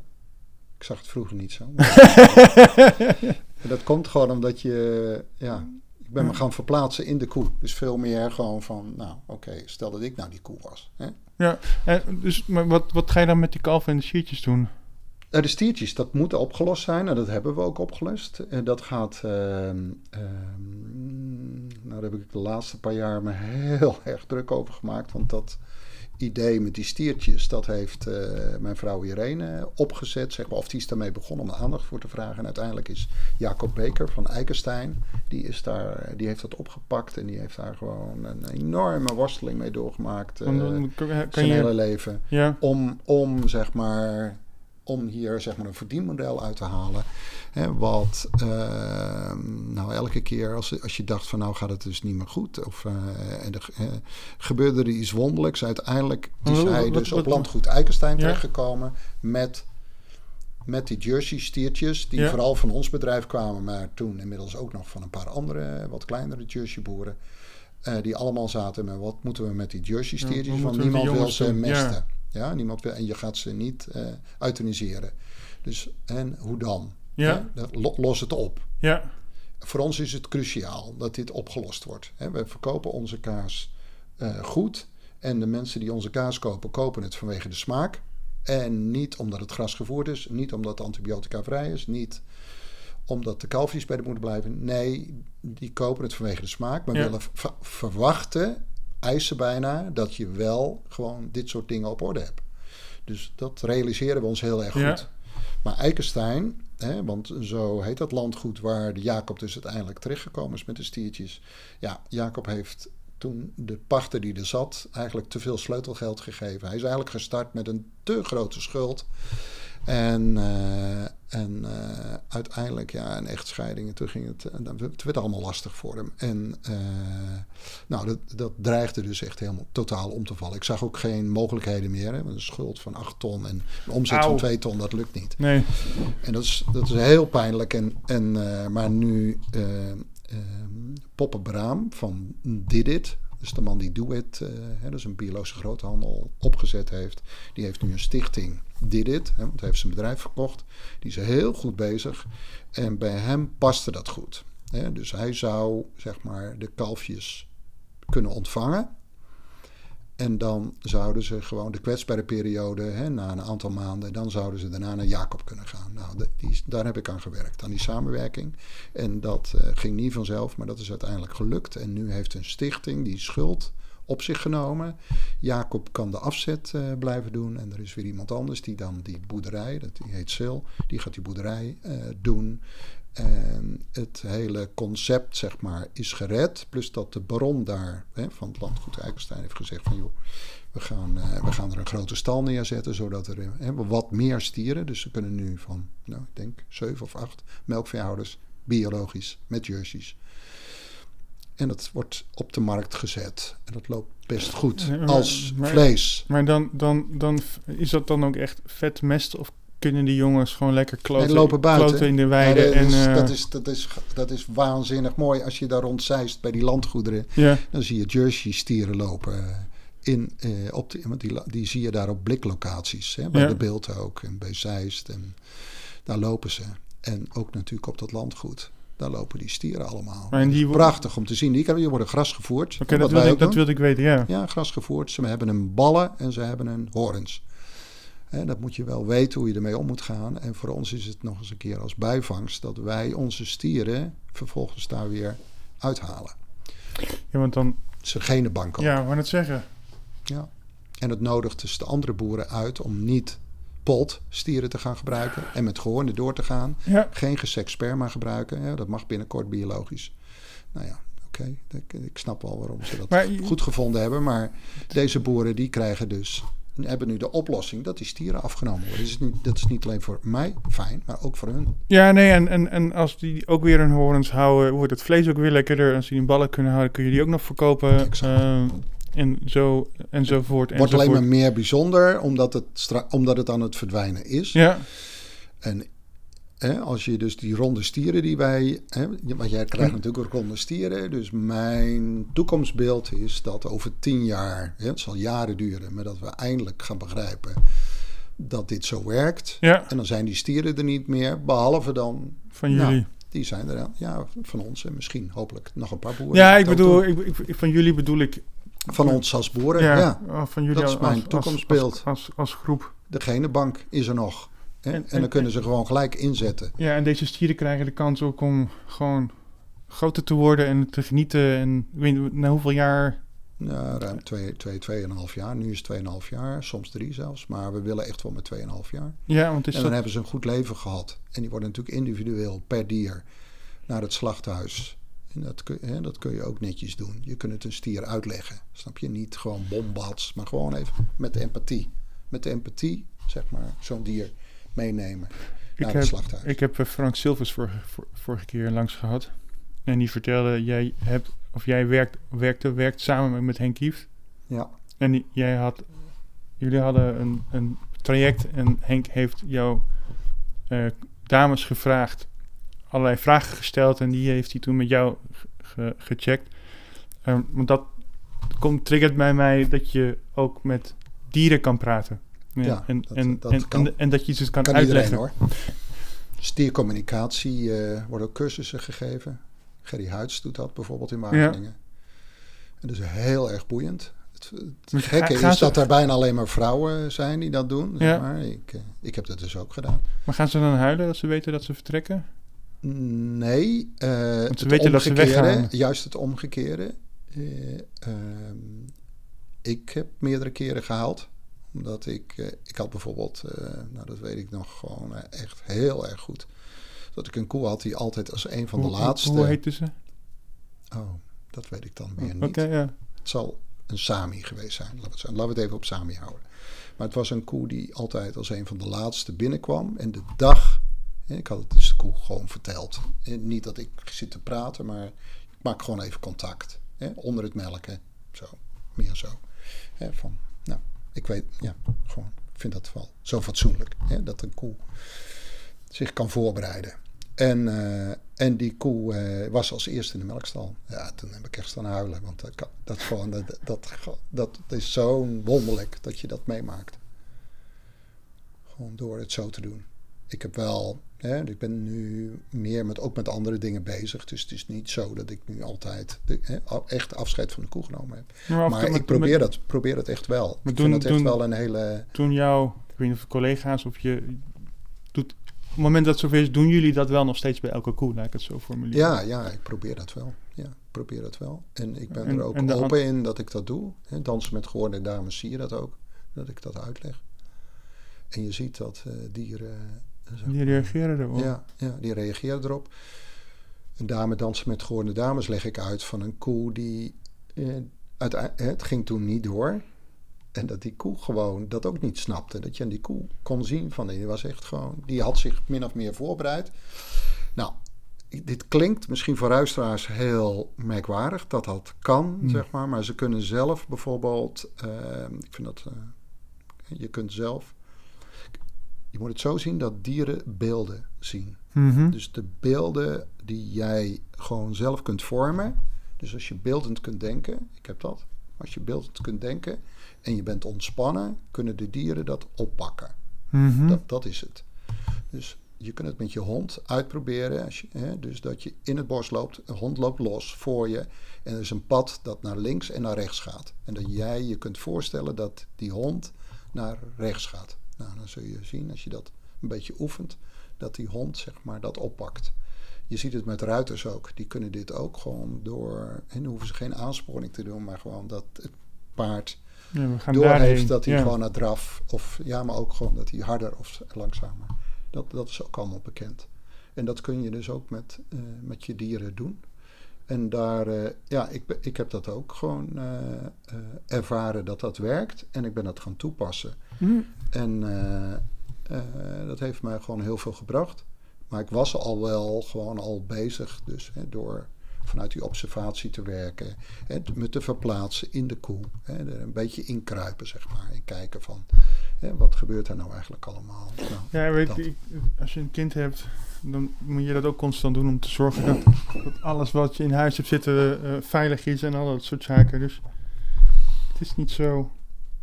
Het staat niet zo heel ver van ons af. nee, We schijnen het alleen afgeleerd te zijn om ook ja, met anderen te denken in plaats van eh, Ja. eh, over ons te denken. ja. Zeker. Ik, wat ik, ik heb eh, nu, ik heb natuurlijk veel excursies en ik heb ze ook best wel eens uit Afrika, eh, Azië, maar vooral die uit Afrika. Dat, het, dat begin ik steeds meer te realiseren. En dan, en dan, en dan dat vertel ik ze ook in de excursie. Hè. Dus die mensen komen hier in Nederland om te leren hoe goed wij zijn. En dat kunnen zij dan opsteken. En, maar dat is allemaal dat technische denken. Ja. Dus zij, en ik ervaar bij hun altijd dat zij, eh, ze zijn nog, ze zijn nog heel natuurlijk. Dat zie je ook in hoe ze, hoe ze zelf reageren, hoe ze zijn. Ze zijn helemaal, en, en, en zij moeten dan een pad op, zeg maar, waarvan je merkt van, nou, dat doen ze omdat gezegd wordt dat dat goed is. Nou, dan komen ze bij mij en dan neem ik ze mee en dan leg ik uit, zeg maar, hè, hoe het hier in Nederland draait. En dan hè, dat technisch, nou, en dan wij natuurlijk. En, nou, dat ik ook zo was en dat ik meer zo gegaan ben en dan. Hè, en dat ik vertel, zeg maar, dat zij de andere weg volgen. En dat je Mhm. elkaar eigenlijk een beetje kruist. En dat ik gewoon zoiets heb van, nou, weet je ik zal je eens laten zien dat jullie, zoals jullie werken, zeg maar, dat het echt helemaal niet slecht is. Dat het, weet je, dat het heel veel brengt. Nou, dan probeer ik ze daarin helemaal mee te nemen. En nou, je ziet dat ze heel totaal open gaan. Echt totaal open gaan. Ik had een vrouw die, die moslim, maar en, en geen hand geven. En die hing aan het eind van de excursie om mijn nek. En eh, nu van de week één, die zei van... joh, je spreekt vanuit je hart. Wat, wat, wat ongelooflijk blij ben ik. Wat je, ja, wat, je, wat je ons uitlegt. Want hier kunnen we echt wat mee. En ik merk dat ze zei, zeg maar, als het om die intuïtieve dingen gaat... dat hebben zij nog. We- Dus ik kom er eigenlijk steeds meer achter dat wij gewoon hè, in onze westerse cultuur, waar wij denken dat we zo fantastisch bezig zijn en zo allemaal kunnen, dat we gewoon dat we erachter komen dat het gewoon ver, dat we gewoon wel een beetje zijn. dat we ja. heel erg onszelf aan het kwijtraken zijn of allerlei dingen die we eigenlijk in ons vermogen hebben dat we dat gewoon dat we gewoon niet meer hebben. Het is meer meer dat. En dat is echt eh, ja ik maar ja, daarom, daarom mm, ehm, ik kan het ook altijd in excursies heel positief afsluiten, eh, omdat het, een, eh, het, het biedt dus ook zoveel kansen. Ja, het biedt zoveel veel kansen om eruit te komen. En dan zie je dus dat we er allemaal in zitten. We zijn allemaal met z'n allen zijn we dat zo gaan doen.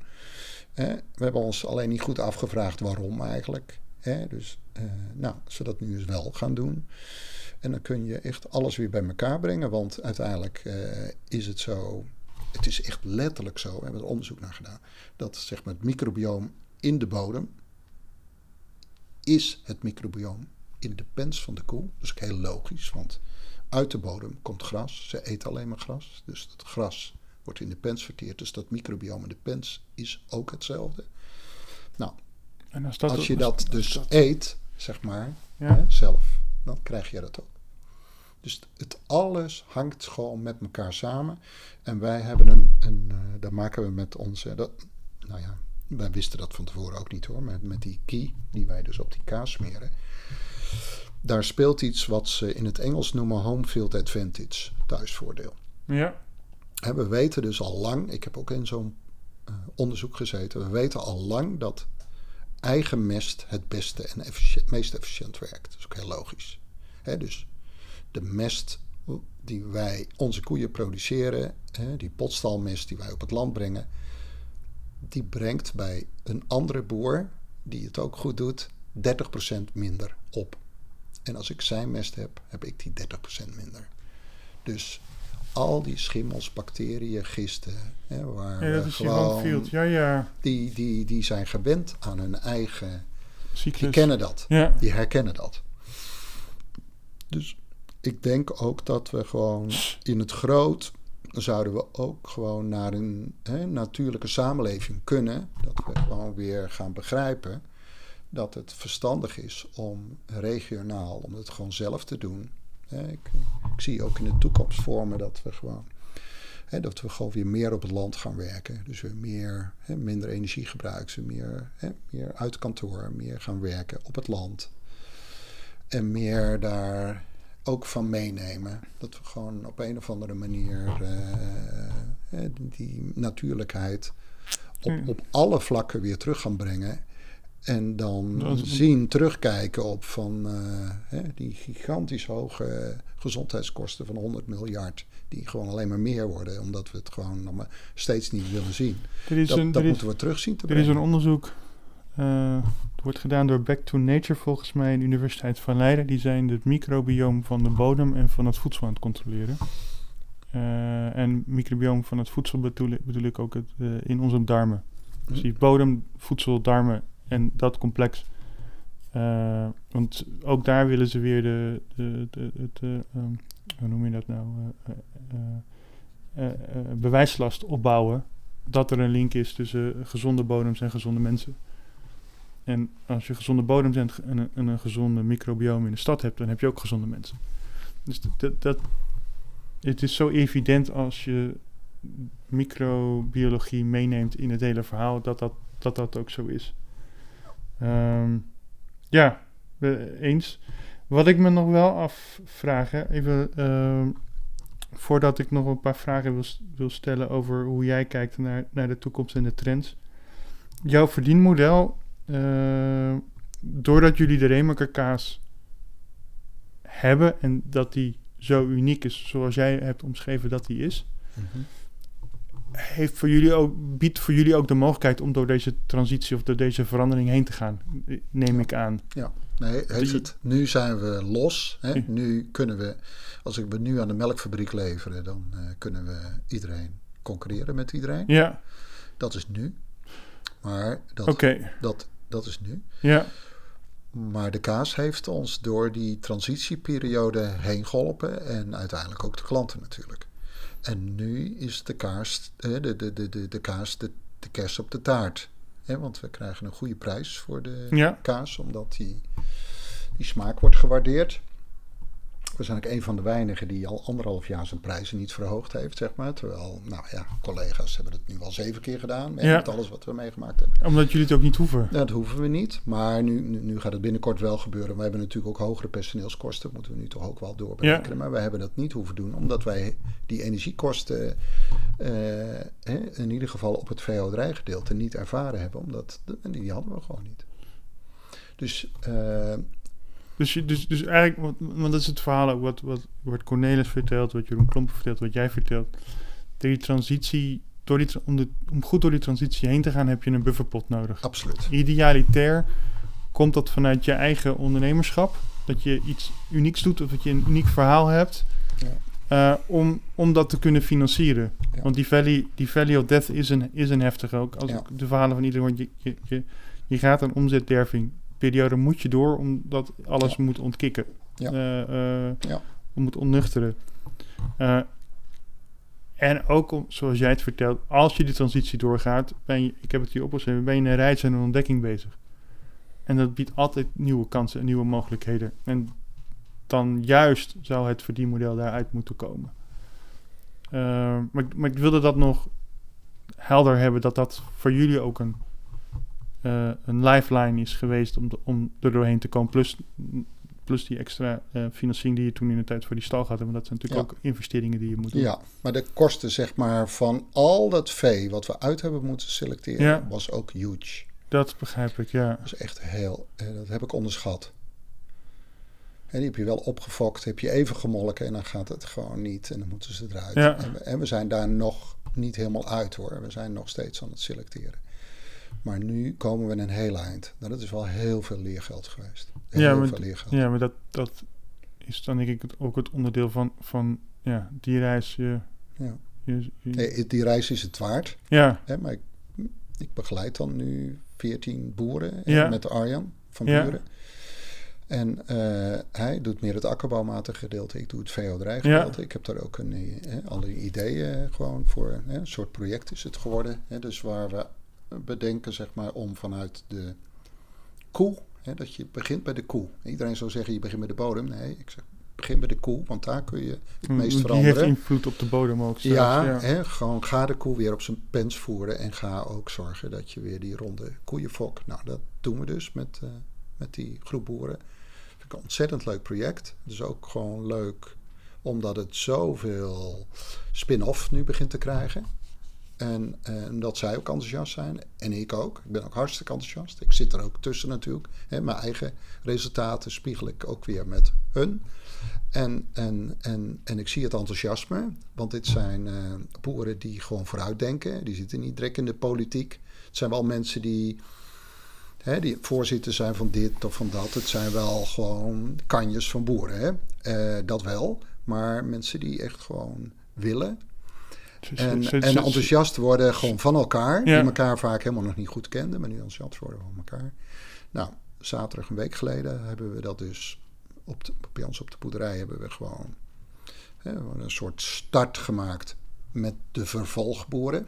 Hè, want we zijn begonnen met, met 15, Arjan en ik hè, zijn de aanvoerders, zeg maar. En nu moeten we natuurlijk verder. Nou, er kwamen 150 boeren en boerinnen op af. En dat was een geweldige sfeer. Gewoon omdat al die boeren vanuit hun, hè, die, die in het project zitten, vanuit hunzelf kunnen zeggen wat ze in anderhalf jaar tijd geleerd hebben. We hadden de ammoniakemissie gemeten, hè, 26% verlaagd. Hè, met name om op dat voorspoor, hè, dus minder eiwit in het rantsoen, dat soort dingen, meer structuur. Dus daar probeer ik het uit uh, eigenlijk. En Arjan doet het ook. Gewoon om te kijken van hoe kunnen we het zo doen. We hebben allebei zo ons leergeld betaald. Hoe kunnen we het zo doen dat zij niet in zo'n heel diep gat komen. Maar ondertussen echt wel meters maken. Hè? Dus dat je echt gewoon... En, dan, en dat meten we voortdurend. Nou, dat, dat, dat is voor mij wel heb een je, heel erg leuk project. Heb je dan daar ook de, de universiteit op aangesloten? Om, om nou, de universiteit om, om werkt de progressie, uit. Om de progressie te meten. En, nee, om, de, om, om bewijslast. Je kan nu bewijslast opbouwen. Nou, bij de universiteit zit nou net het probleem. Maar die maar, en anderen dan alleen Wageningen. Ja, dat is Louis Bolk. Dat gaat beter. En Terwijl ik wel heel veel met Wageningen doe. Ik doe Ja. heel veel met Wageningen. Maar in dit geval... eh, nou, is is er het wel, eh, ja. hebben we wel eh, echt wel het een en ander meegemaakt. waar, je, waar- nou, waar, waar, Of- waar, wij of- niet, waar we gewoon niet blij mee waren. Of buitenlandse universiteiten. Ja, ja. Nee, maar goed, wij hebben nu gewoon al wel Ja. feiten. Hè, want we hebben cijfers, we hebben onderzoeken. Niet van Wageningen, klopt. Maar het project loopt, liep niet hoor, maar loopt tegenwoordig via Wageningen. En Ja. Ja, die gingen gewoon dingen uithalen. En eh, ja, dat, dat is gewoon heel raar wat er dan gebeurt. Dat ga ik hier niet eh, uitleggen. Maar het was wel even Ja, wat die, ik dacht van die, oppassen. gingen, die gingen gewoon in de weerstand. Ja. Die gingen in de weerstand, ja, omdat zij, zij willen gewoon controle op wat er gebeurt en het in de hand houden. Nou, wij gingen onze eigen gang. Hè, we hebben onze eigen eh, meetmethode, eigen dingen. We zijn heel succesvol met elkaar. En ja, ik weet niet, dan hebben ze, laten we zeggen dat ze er erg aan hebben moeten wennen. Maar Arjan en ik laten ons niet aan de kant schuiven. en wij gaan eh, onze eigen gang. En we hebben nu, ja, ik denk dat dat. eh, Nou, wat er gebeurd is, uh, laten we zeggen dat dat uh, eenmalig was. En dat we nu gewoon, dat ze niet om ons heen kunnen. En dat we, en we waren in de media ook heel succesvol. En al die boeren kwamen, ja, ja dan kun je er ook niet meer omheen. Ja. En die waren vrolijk, ja, geen protestboeren. Nou ja, je gaat pas in het protest als je geen handelingsperspectief hebt. Ja, dat klopt. En op het moment dat je die krijgt en je het, la en je het laat zien... en het ook eventjes in de Excel-sheet laat zien... dan Precies. ben je heel snel over. Uh, En dan is de enige vraag nog, heb je, durf je het aan? Maar dan is het een persoonlijk leiderschapsverhaal. Durf je, durf je het aan om alles los te laten en een nieuw pad in te gaan? Ja. Dat is altijd het, ja. het moeilijke. Um, ik had jouw boerderij opgezocht op Google Maps. En uh, ik schrok. Uh, want dus, dus de dorpen komen heel snel jouw kant op. uh, van alle kanten. Um, wat betekent dat dan voor de toekomst voor jouw boerderij en ook de toekomst gewoon voor, voor, voor, voor de, het Nederlandse landbouw misschien dat we dat meer op de melkveehouderij moeten mhm. betrekken in verband dat dat jouw mm core business is. Hoe, hoe kijk jij daarnaar en wat betekent dat dan voor uh, het, het boerenbedrijf? Want er komt gewoon daardoor heel veel druk. Mm nou ja, zoals ik het uh, voor me zie, waar, uh, waar ik denk dat we naartoe moeten, Kijk, het zal voorlopig niet zo gaan. Zoals het zal gaan, is dat we naar ehm, nog meer concentratie gaan en hogere productie per koe. Want dat is immers al in gang gezet. Ja. Da, da, dat zal gaan gebeuren. Maar dat kan ook gewoon eindigen. Nou, wat, uh, wat ik hoop is dat we naast wat bijna alles is, dat we daarnaast nu gewoon uh, wij zijn daar een, al een eerste voorbeeld van. Dat er boeren gaan ontstaan die de dieren bij de grond laten kloppen. Ja. En die zeg maar ook die natuurlijke weg inslaan. En dan gaat de veestapel echt uh, enorm uh, minder worden. Tenminste, ja. bij, dat, bij die boeren zal het echt gewoon veel minder worden. En ik zie dan echt een landschap waar, waar natuur en landbouw echt samengaan. Ja. Daar geloof ik echt heel sterk in. Ja. En dus ook die houtwallen weer terug. Heb je een enorme koolstofvastlegging. Uh, hebben wij op onze boerderij, hebben we het nog niet over gehad. We hebben echt gigantische koolstofvastlegging. Nou, als je dan ook nog die houtwallen erbij pakt, denk ik dat je een hogere vastlegging hebt. En dan kunnen alle, Als in het bos. En dan kunnen alle vogels in nestelen om de, om de, mest van jou op te ja, ruimen. Ja, ja, het is zo logisch. Die, die, zeg maar, die vorm zie ik vormen. En uh, dat is een vorm waar ook uh, de burgers van uh, genieten. Omdat ze zien dat de dieren zichzelf kunnen zijn. Ze zien, het is ook een gezond systeem. Ja. Hè? want het grondwater is niet vervuild. Hè? Nu krijg je gewoon dat die minerale stikstof uitspoelt. Hè? Dat gaan we gewoon straks zien met K3 water. Ja. Je, de, de, de laatste resultaten waren ook weer niet best. Dat is allemaal inefficiëntie, maar dat is allemaal stikstof die we gewoon als kunstmest. Kunstmest was gas. Ja. is gewoon zo via de bodem verdwijnt. En je schakelt het mycorrhiza, waar we straks over hadden, uit. Dus ik zie, uh, ik zie voor me dat dit meer ruimte gaat krijgen. Ja. En dat dus vanzelf die veestapel dus kleiner wordt. Ik zie dan ook voor me dat de producten die daaruit komen zou zonde zijn als die gewoon naar een reguliere fabriek gaan... waar ze eerst bijvoorbeeld die lactofrine eruit halen... En dan, de, hè, en dan de hele boel weer uit elkaar trekken en in elkaar zetten. Dan is het een dood product. Dus ik zie voor me dat er meer boeren zelf met producten aan de slag gaan. Dus dat hoop ik ook. En, en daar, dat zou het mooiste zijn. En, en dan, kan de, dan is de, de Lely Orbiter... kan daar dus een, dat kan een eh, versnelling uh, prima, in zijn? Ja, prima. Ja, die kan dat inderdaad. Ja, dat klopt. Maar ja, dat zou kunnen. Ja, dat hij, of dat hij zich nog verder ontwikkelt. Dat hij daarin een rol gaat spelen, daarin. In ieder geval, het zou mooi zijn dat als je gewoon in, in essentie een mooi product hebt, dat je dat hè, ter plekke in de korte kunt keten, omzetten. Ja, de korte in de korte keten kunt wegzetten. Ja. En dat burgers gewoon hun producten halen, ook meer. Hè, of dat je, nou, in ieder geval dat je het probeert wat regionaal af te zetten. Want daar geloof ik ook sterk in. Nou, dat zou ik heel mooi vinden, gewoon omdat je dan. En kinderen gaan ook die, eh, meer zien waar het vandaan komt en hoe het zit. En dus het is in allerlei vormen, zeg maar, denk ik dat daar perspectief in ziet. En je, die diversiteit gaat, eh, gaat zo toenemen dat je enorm veel meer se- insecten krijgt. Ja, en dus vogels en de hele zaak weer een beetje op de rit krijgt. hoe staat dan een, een, een, een, een melkveebedrijf... En ik pak dan even de verwerking erbij, of het nou kaas is of melk is. Ik pak dat even als één, één groep. Hoe staat het dan zich in verhouding tot een, tot een dorp als Lunteren? Hoeveel van jouw vergelijkbare bedrijfsvoering heb je nodig om Lunteren te kunnen voorzien? Of eh, Barneveld en Ede te kunnen voorzien? Is, is die ruimte daar nog? Of zullen we ook aan de zuivel intake van de consument omlaag moeten om, om dat te kunnen opvangen? Ik denk dat je echt dan ook in een totaalplaatje moet kijken. Dus zoals de grond nu is, eh, eh, moet dat eerst allemaal opknappen. En die gaat dan echt veel minder opbrengen een Ja, aantal jaren. Dus als we daar uit zijn. Hè, Ja, dus in het ideale geval dat die grond weer, eh, Fris en weer normaal is, ja. fris en fruitig is. Heb je geen beregening meer nodig. Hè, want dan gaan de wortels diep genoeg in de vallei. Immers heb je altijd water. Hè. Dus dan, eh, en dan heb je al die fossiele brandstoffen niet meer nodig. En dan, ja, dan denk ik dat je gewoon met zuivel en met eh, vlees eh, sowieso de omgeving kunt voeden. Want het is een hele vruchtbare eh, vallei. Wat echt, hè, want op de Veluwe, we hebben nu dus die andere boerderij, hè, het ligt al iets meer op de Veluwe. Zie je gewoon, met droogte heb je toch gewoon minder opbrengst. Dus die vallei kan echt gewoon eh, de omgeving eh, echt wel voeden. En je, en je zult een gedeelte met groen moeten doen. Eh, je kunt wat met voedselbos eh, eh, Maar- bedenken. maar dan, dan zeg je eigenlijk, dan kom je even terug wat je eerder zei in het, in het regionale.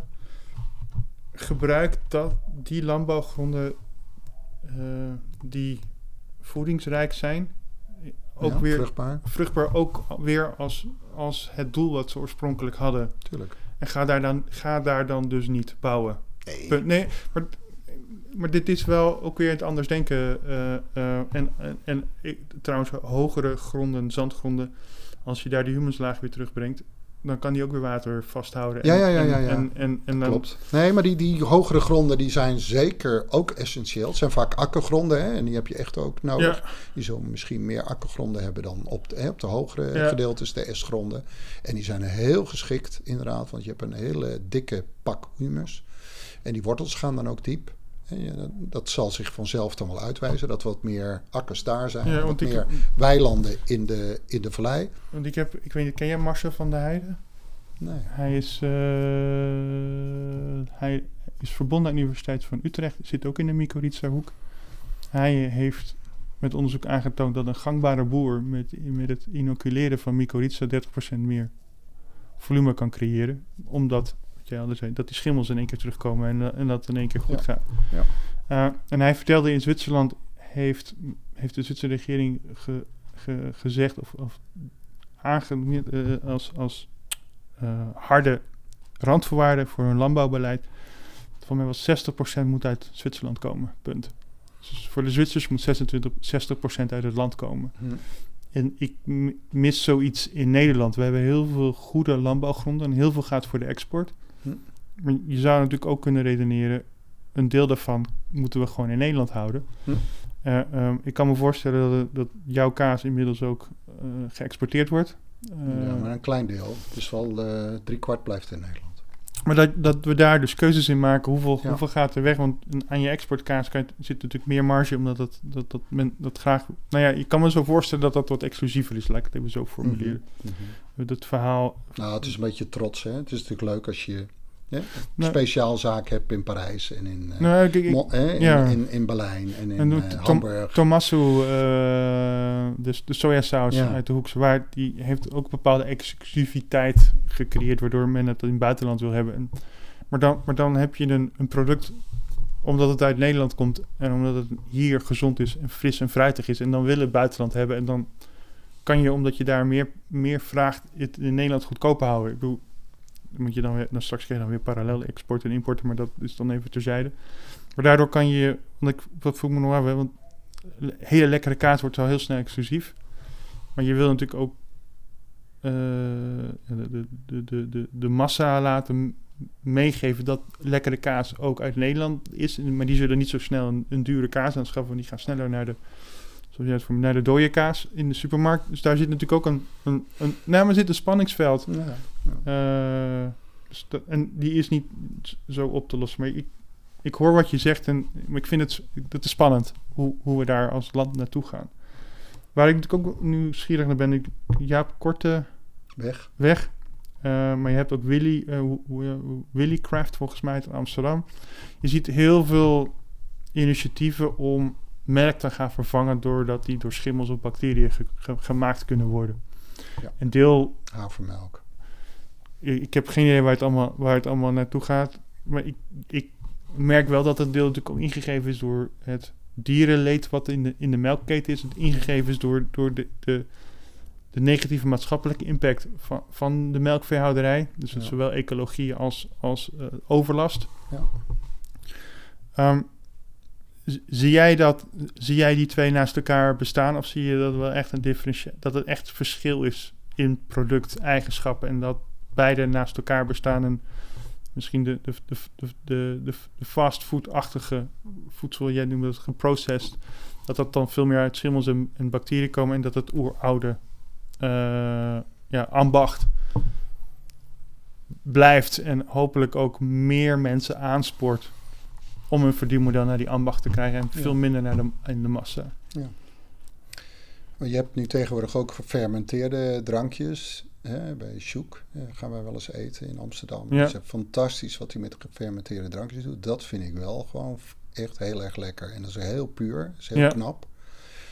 Dus dat, uh, ja, dat valt bij mij ook goed. Maar zo gauw ze hebben zitten sleutelen, en dat is ook wel een beetje het probleem bij de vegetarische slager. Hè, en veel met soja. Soja is eigenlijk. Soja nou ja, gewoon... maar, dat, maar dat is dat soja. Ik weet dat Jaap is nu bezig met de. de, de lupine. De, ja, lupine, de, de, de, de, vegan cowboys of zoiets. Ja, dat, ja, ja, ja, daar doet hij precies. Dat doet hij dat met melk. Ja, ja. dat weet ik. En toen hij het uh, ging doen, kondigde hij het uh, bij mij aan. Oh, echt waar? oh, het gaaf. We, we kennen elkaar wel. Dus wel heel erg leuk. Ook een beetje van, uh, je weet je, knap wat je doet. Maar nou, ik ga proberen. Nou, dat is, dat is ook best knap.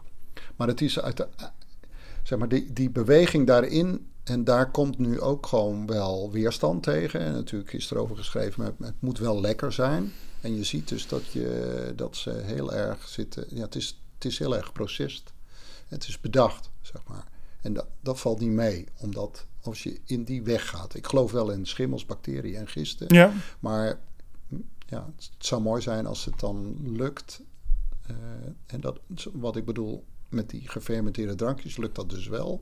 Dat het op een of andere manier zo lukt. Als het allemaal zo moeilijk wordt dat ze moeten frekken en dingen uit elkaar halen en weer in elkaar zetten. Dat, dat, is, dat is naar mijn idee processed food. Ja, ja maar helder. denk ik dat dat gewoon qua gezondheid ook problemen op gaat leveren. En dan geloof ik meer in een natuurlijk product. Ja. Maar als het dat natuurlijke product... Uh, door de fabriek helemaal uit elkaar gehaald wordt, in elkaar gezet, dan hebben we ook weer food. Dan zou ik dus, dus ook buiten willen blijven. een Vivit bijvoorbeeld, nou, dat is voor mij chemisch afval gewoon. Want als ik zie wat op die verpakking staat, denk ik van, nou, weet je, dat vind ik echt gewoon helemaal niet gezond. Dus ik, ik, ik zou pleiten voor, nou, ik ben zelf het levende bewijs, zeg maar, gewoon. Uh, ik drink rauwe melk mijn hele leven al, zeg maar. En ja, ik merk gewoon dat ik gezond ben. En uh, er lopen er veel meer van rond die dit doen. Hè, zonder pillen of wat dan ook. Maar gewoon omdat ze die, hè, die echt die gezonde melk, die bij ons dus gezonder geworden is door die gewone koeien. En door gras gevoerd. En dat gras gevoerd is dus niet uit zakjes, maar is dus uit die microïtsen, uit die bodem. En waar dus ook die mineralen allemaal in zitten, heb je ook die, die pillen niet meer nodig. Dus dat is voor mij wel. Uh, dus ik trek wel heel gauw de grens, persoonlijk. Voor. En dan zie ik toch gewoon veel bedacht, processed. Prima, maar ik uh, ben ja, er geen fan van. Nou ja, zolang het processed is, als het de natuurlijke weg weet, weet te vinden. Uh, en waarom zou je de combinatie niet zoeken, hè, zoals ik hem nu schetst? Ja. Dus dat je echt alles bij elkaar brengt. Waar we op onze boerderij, zeg maar, waar, we dat, dat laten we daar al zien. Hè. Je laat dus zien en dat de opbrengst dus ook best goed is. Ja, En heel efficiënt. ja, bedenk ook dat als je de melk verhit, hè, alle, er zit heel veel vitamine C in melk. Al die vitamine C is weg. Gewoon door die verhitting. ja, Er staat ook helemaal niemand bij stil. Hè, er wordt gezegd dat in Amerika, zeg maar, de melk die daar gepasteuriseerd wordt, al die vitamine C die daar verloren gaat, dat is meer als wat er geoost wordt aan vitamine C bij de citrusoogst. Gewoon een voorbeeld. Ik denk dat we gewoon met z'n allen niet, bij, bij God niet weten precies wat we eigenlijk allemaal aan het doen zijn. Eh, wat wat we- wat misschien we wel over- bekend is ergens, maar wat wij niet weten. En dat als we dat gewoon eens anders gaan inrichten, Ja. dus heel anders gaan denken, dat, je, dat we mogelijk gewoon naar een, eh, een veel meer efficiëntere, maar ook blije en goede samenleving kunnen. Waarin de dieren met de mensen gewoon normaal omgaan. Hè? En dat je ziet dat de dieren het goed hebben en gelukkig zijn. Hè, waarbij, eh, kijk, ik snap bijvoorbeeld heel goed dat Joost gewoon die mest niet meer gebruikt. Want er is gewoon ook bijna, en biologisch mest is ook echt, gewoon vaak echt niet wat het zou kunnen zijn. Dus ik, ik- dat snap ik. Want dan kun je het, dan kun je het beter niet gebruiken. Ja, Als je nee, echt gewoon hè, fantastische mest hebt, die wij nu dus hebben, die hadden we niet. Hè, we krij- eh, ik heb een heel klein beetje over, daar betalen mensen heel veel geld voor. Hè, een tuin bijvoorbeeld. Of een- Ja, omdat ze zien van, joh, dit werkt. Kijk, da- daar, hè, ja, daar geloof ik in. wat is de invloed van jouw eh, vader, vrouw en zoon? in jouw leven? Nou, mijn vader heeft eh, mij de ruimte gegeven. Dus eh, daar ben ik wel heel blij mee. Ja. Dat hij, die heeft echt mij de ruimte gegeven op, eh, op, op het bedrijf. Al heel jong. Dus dat hij in me geloofde. Ik deed hoge lammerschool. Dat was toen heel bijzonder. Toen. En mijn vader is ook ruimdenkend. Dus dat was gewoon, hij ging echt zo de hort op. Hè, voor het Jussie stamboek. De hele wereld over. En dan liet hij het gewoon aan mij over. Maar ik was gewoon eh, best wel, hè, achteraf best wel roekeloos. Zo. Ik probeerde dingen uit. En eh, nou, ik werkte wel hard. Maar heb heel veel fouten gemaakt. Ik heb echt van mijn fouten geleerd. Ik ben echt iemand, hè, als je mij eh, iets geeft om in elkaar te zitten, dan kijk ik niet naar gebruiksaanwijzing. Dan begin ik gewoon al zo te sleutelen. Zo'n figuur ben ik. Dus ik ben wel door schade en schande wijs geworden. Ik weet bijvoorbeeld alles over afwijkingen in de kaas, omdat ik dat allemaal al meegemaakt heb. Eh, en zo heb ik me erdoor geworsteld. Maar hij heeft mij daarin altijd gesteund. Dus dat. eh, helemaal wel. Nou, ik ben echt. Ja, we hebben echt gewoon wel hele experimentele dingen gedaan. Hij heeft me altijd gesteund. Dus dat is fijn. Hè, weet je, zo'n vader had ik.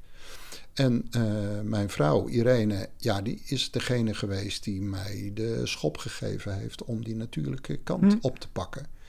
Hè?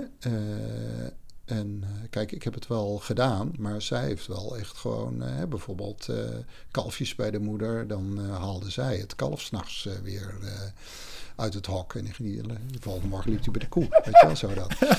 Dus, daar, dus die, was wel, eh, die heeft echt wel gewoon daarin mij grenzen laten verleggen. Dus dat is, eh, ja, daar ben ik wel heel erg Ja. blij. Ja, hè, ik ben wel... Ik kon heel lang niet... eh, ik heb eigenlijk heel lang gewoon niet bij mijn gevoel gekund. En eh, zij kon dat wel, gewoon van nature. Nou, en uiteindelijk eh, is het mij gelukt, zeg maar, om, om daar door te komen. Dat heb ik uiteindelijk natuurlijk wel zelf gedaan. Dat heeft me wel heel erg veel gebracht. Hè? Dus, dat, dus toen ik jong was, werkte ik gewoon heel hard en was ik gewoon in mijn hoofd bezig. Zou ik zo dit niet eens zo kunnen doen? Moest ik het allemaal voorbereiden? En nu hoef ik dat niet voor te bereiden, omdat het gewoon, ja, het komt gewoon zo vanzelf. En dat doe ik met excursies ook. En eh, die keer met de minister deed ik het ook zo uit mijn hoofd. Dat ma- maakt me niet uit. Het komt gewoon. Ik maak contact en dan doe ik het. En dat is gewoon omdat ik bij mijn gevoel ben gekomen. Dus daar ben ik heel blij mee. Nou, zij heeft daar echt een rol in gespeeld. En eh, ik heb twee zoons, maar degene waar ik nu mee echt al mee samenwerk, Peter. Ja, ja, is zo fijn al sowieso dat je een zoon hebt die eh, snapt wat je doet, maar die, die op een aantal terreinen gewoon echt beter is als zijn vader. Ik ben een echte marketeer, maar ik zie dat hij het nog, nog beter is. ja, maar dat is mooi. dat is zo belangrijk. Ja. Want ik zie bij boeren, daar mist het. Mhm. Hè? En de andere zoon heeft het wel een beetje hoor, maar die is, die is veel meer met de bodem en alles bezig. Uh, die, is nog, hè, die is nog bijna klaar met studeren. Die heeft meer dat stuk van mij. En, maar hij heeft echt uh, dat stuk wat zo. En hij kan ook erg goed met het personeel. Hè? dus dat hij daar goed mee omgaat. Neemt, neemt hij de tijd voor. Dus ik ben, uh, ik ben heel erg blij met, uh, met zijn capaciteit. En wij, kunnen, ja. ja. wij kunnen ook goed. Hè. Je ziet meerdere filmpjes op internet van ons samen. Hè, vader, zoon. En dan zie je ook hoe hij reageert op mij. Hè. Ik ben natuurlijk ook gewoon een... Ja, in zekere zin ook wel een vakidioot. Maar ja, hij moet ook met mij kunnen. En dat, dat, dat gaat dus heel goed. Want we kunnen elkaar ook echt wel zeggen wat we vinden. En hij, ik vind dat hij dat heel goed aanpakt. Hè? Meer van, zo pa, wat gaat er eigenlijk in je om? Hè? Als je dat en dat zo doet. Ik ben, ben, benieuwd hoe je, hoe je dan denkt. Hoe je, daar, ja, hoe je die dingen doet. Hij, hij heeft zo'n aanpak. Dat is, dat is een hele prettige. Dus dan, dan moet ik echt bij mezelf denken, ja, waarom doe ik dat eigenlijk zo? Dus het is niet verwijtend, helemaal niet. Maar gewoon, leg hm. me eens uit. Of of van, zullen we in het vervolg gewoon op dat punt vind ik dat de communicatie, ik weet niet of de communicatie, ik denk het wel, dat we er allebei eens aan werken dat dat beter gaat. Snap je? Zo. Dus in zekere zin, hij heeft zelfs dingen waar hij mij weer in opvoedt zelfs. Mm Ik ben natuurlijk zijn vader. Nou, ik ben degene die hem wel veel leert, want hij heeft banken- en verzekeringswezen gedaan. Dus helemaal niet agrarisch. Dus dat heeft hij van mij. En dat is natuurlijk wel prettig dat hij het van mij heeft, want ja, dan hoef ik dat, dat niet meer uit te halen. Dus dat is wel heel, dat is ook weer heel erg leuk. Dus ik zie, ik hoor hem soms praten, want hij kan ook heel goed uh, hè, presenteren of uh, excursies doen. En dan herken ik me heel veel, ja, waar ik denk van, oh ja, nou leuk. Dat, Mooi. Hij brengt het op zijn manier, maar hij heeft het wel. Dus dat gaat, ja, het is natuurlijk wel belangrijk dat. Uh, en hij is dan ook een beetje de meer bedrijfskundig dan. Ja, ja, ja. ja. Hij doet de boekhouding nu ook. Dus hij, het is wel fijn natuurlijk dat dit bedrijf, hè, wat nu gewoon zwong gekregen heeft en smol en wat gewoon draait en waar nu inmiddels, hè, zo onze eigen inkomens meerekenen, acht inkomens, hè, acht inkomens uit uh, 90 melkkoeien, jerseys. Dat is echt heel veel. Nou, hè, dus natuurlijk wel ontzettend fijn dat dit gewoon verder gaat. En wat ons bedrijf ook altijd heeft, bijzonder heeft gemaakt, is dat we A alles delen. Dus alle kennis delen. Dus gewoon geen geheimen. Iedereen mag alles weten. En dat we gewoon doorlopend blijven vernieuwen. Nou, dat zou mooi zijn als dat uh, doorgaat. En dat mijn, uh, ja, dat mijn zoons, zeg maar, dat ook oppikken. Tot nu toe komt, uh, ja, hè, zeg maar, mijn vrouw heeft me de schop gegeven. En die heeft zeker gewoon alle, alle, ja, die heeft namelijk ook heel veel ideeën. En die heeft altijd, hè, als je tien ideeën hebt, zeg maar, die ze heeft, zeg maar, dan, dan moet je ze eruit halen. Dan, maar zij heeft wel het echt het totaal anders denkende idee. Die is daar weer heel erg goed in. Wat je dan, hè, waar gewoon, waardoor je gewoon, waar was je nooit opgekomen. En dan, nou, dat, dat soort dingen. Dus uiteindelijk is het tussen ons allemaal ook een samenwerking. Hè, en, en met alles en met iedereen om me heen. Ik heb dat met de excursies, ervaar ik dat ook. Dus dat je, omdat je open, hè, ik ben open, dus we vertellen alles, we zijn heel eerlijk. En het grappige is dat je daardoor ook weer informatie terugkrijgt die ons weer verder helpt. Mhm. Of die ik dan weer, ik zeg wel eens gewoon die excursies die ik hou, die hebben we eigenlijk allemaal met elkaar gemaakt. Dus dat je gewoon, uh, soms komt iemand met iets, zeg maar een idee, wat wat ons dan weer verder helpt en waardoor wij iets ontwikkelen. En waar je gewoon zo niet aan gedacht had. En dat wijbier is ook natuurlijk gewoon ook niet meer zo. Dat is ook ergens uit ontstaan. Er is ergens iets aangeraakt en dan, en dan in één keer dan denk je, wauw. Ja, dat maakt, uh, ja ik weet nog dat ik de eerste app stuurde naar een vriend van mij die veel filmt van. Ik zei, die moet je ook bewaren, want het kwam binnen bij mij en ik dacht, dit is het. Ik was al zo lang ook met een soort Rivella bezig, met allemaal dingen. En, uh, en dan liet ik het weer rusten. Ik denk van, nou, dit, dit stukje, daar, moet daar moet nog wat mee. Nou, dat, dat, dat is nu... Uh, dat vind ik wel leuk, dat ik die bijdrage uh, nu de komende paar jaar... kan echt het hele bedrijf gewoon nog wel een hele mooie swing geven... En uh, ja, dat is voor Hemeke natuurlijk fijn. Maar het is ook fijn omdat we het uiteindelijk gebruiken ook om meer mensen wakker te krijgen. Ja. Dat ze zien van wauw. We, hebben nu, we zitten nu op 2,30 euro per liter melk, wat waanzinnig veel is. Nou, met dat bier ga je dat nog veel hoger krijgen. Hè, dus dat je ziet van we hoeven helemaal niet groter. Je kunt ook gewoon daarin verdiepen. En uiteindelijk dus heel efficiënt bezig zijn. Omdat, je, omdat alles food wordt, voedsel. En, uh, en omdat je omdat je zoveel mogelijk in kringlopen werkt, al die verliezen niet hebt. En die weideverliezen noemde ik straks. Die hebben we niet. We hebben 3%, misschien maar geen 20%. Nou, die energiekosten hebben we niet. Wel met kaas maken, dat is waar. Maar niet in... Uh... Maar die, die, die ondervang je dan met zonnepanelen? Of, of ja, uh, tuurlijk. En ja. nu de windmolen komt volgende week. En dan wordt een houten windmolen natuurlijk. Hè. Dan moet natuurlijk een houten Yes. windmolen zijn. Kleine Oh, houten windmolen. Ja, exact, een kleine. Dus daar, en met hele simpele technologie. Zo heel leuk. hè. Het is Het een hoeft soort allemaal- dynamo het- het- van, een, van een fiets. Het is hoeft allemaal niet ingewikkeld. Ja, ja, ja. Wat, eh, om af te sluiten, voor degenen die luisteren, er zitten ook nog eh, eh, landbouwers en akkerbouwers, luisteren mee, maar ook beleidsmakers. Wat wil je hun meegeven over de tijd waarin we nu zitten? Nou, ik trek er nu heel hard aan om dit wat ik nu vertel, hè, wat nogmaals, ik zie dat als een systeem, hè, het natuurlijke systeem, om daar podium voor te krijgen. Nou, dat, dat krijg ik hier. Dat heb ik op een paar andere plekken ook gekregen. Dus ik trek er heel hard aan om dit serieus voor het voetlicht te krijgen. Omdat, ehm, omdat ik denk dat we de discussie, de open discussie met elkaar moeten aangaan. Hè? Mag ik, daar, mag ik daar dialoog van maken? Wat, wat de horens doen. Ja. Hè, wat, eh,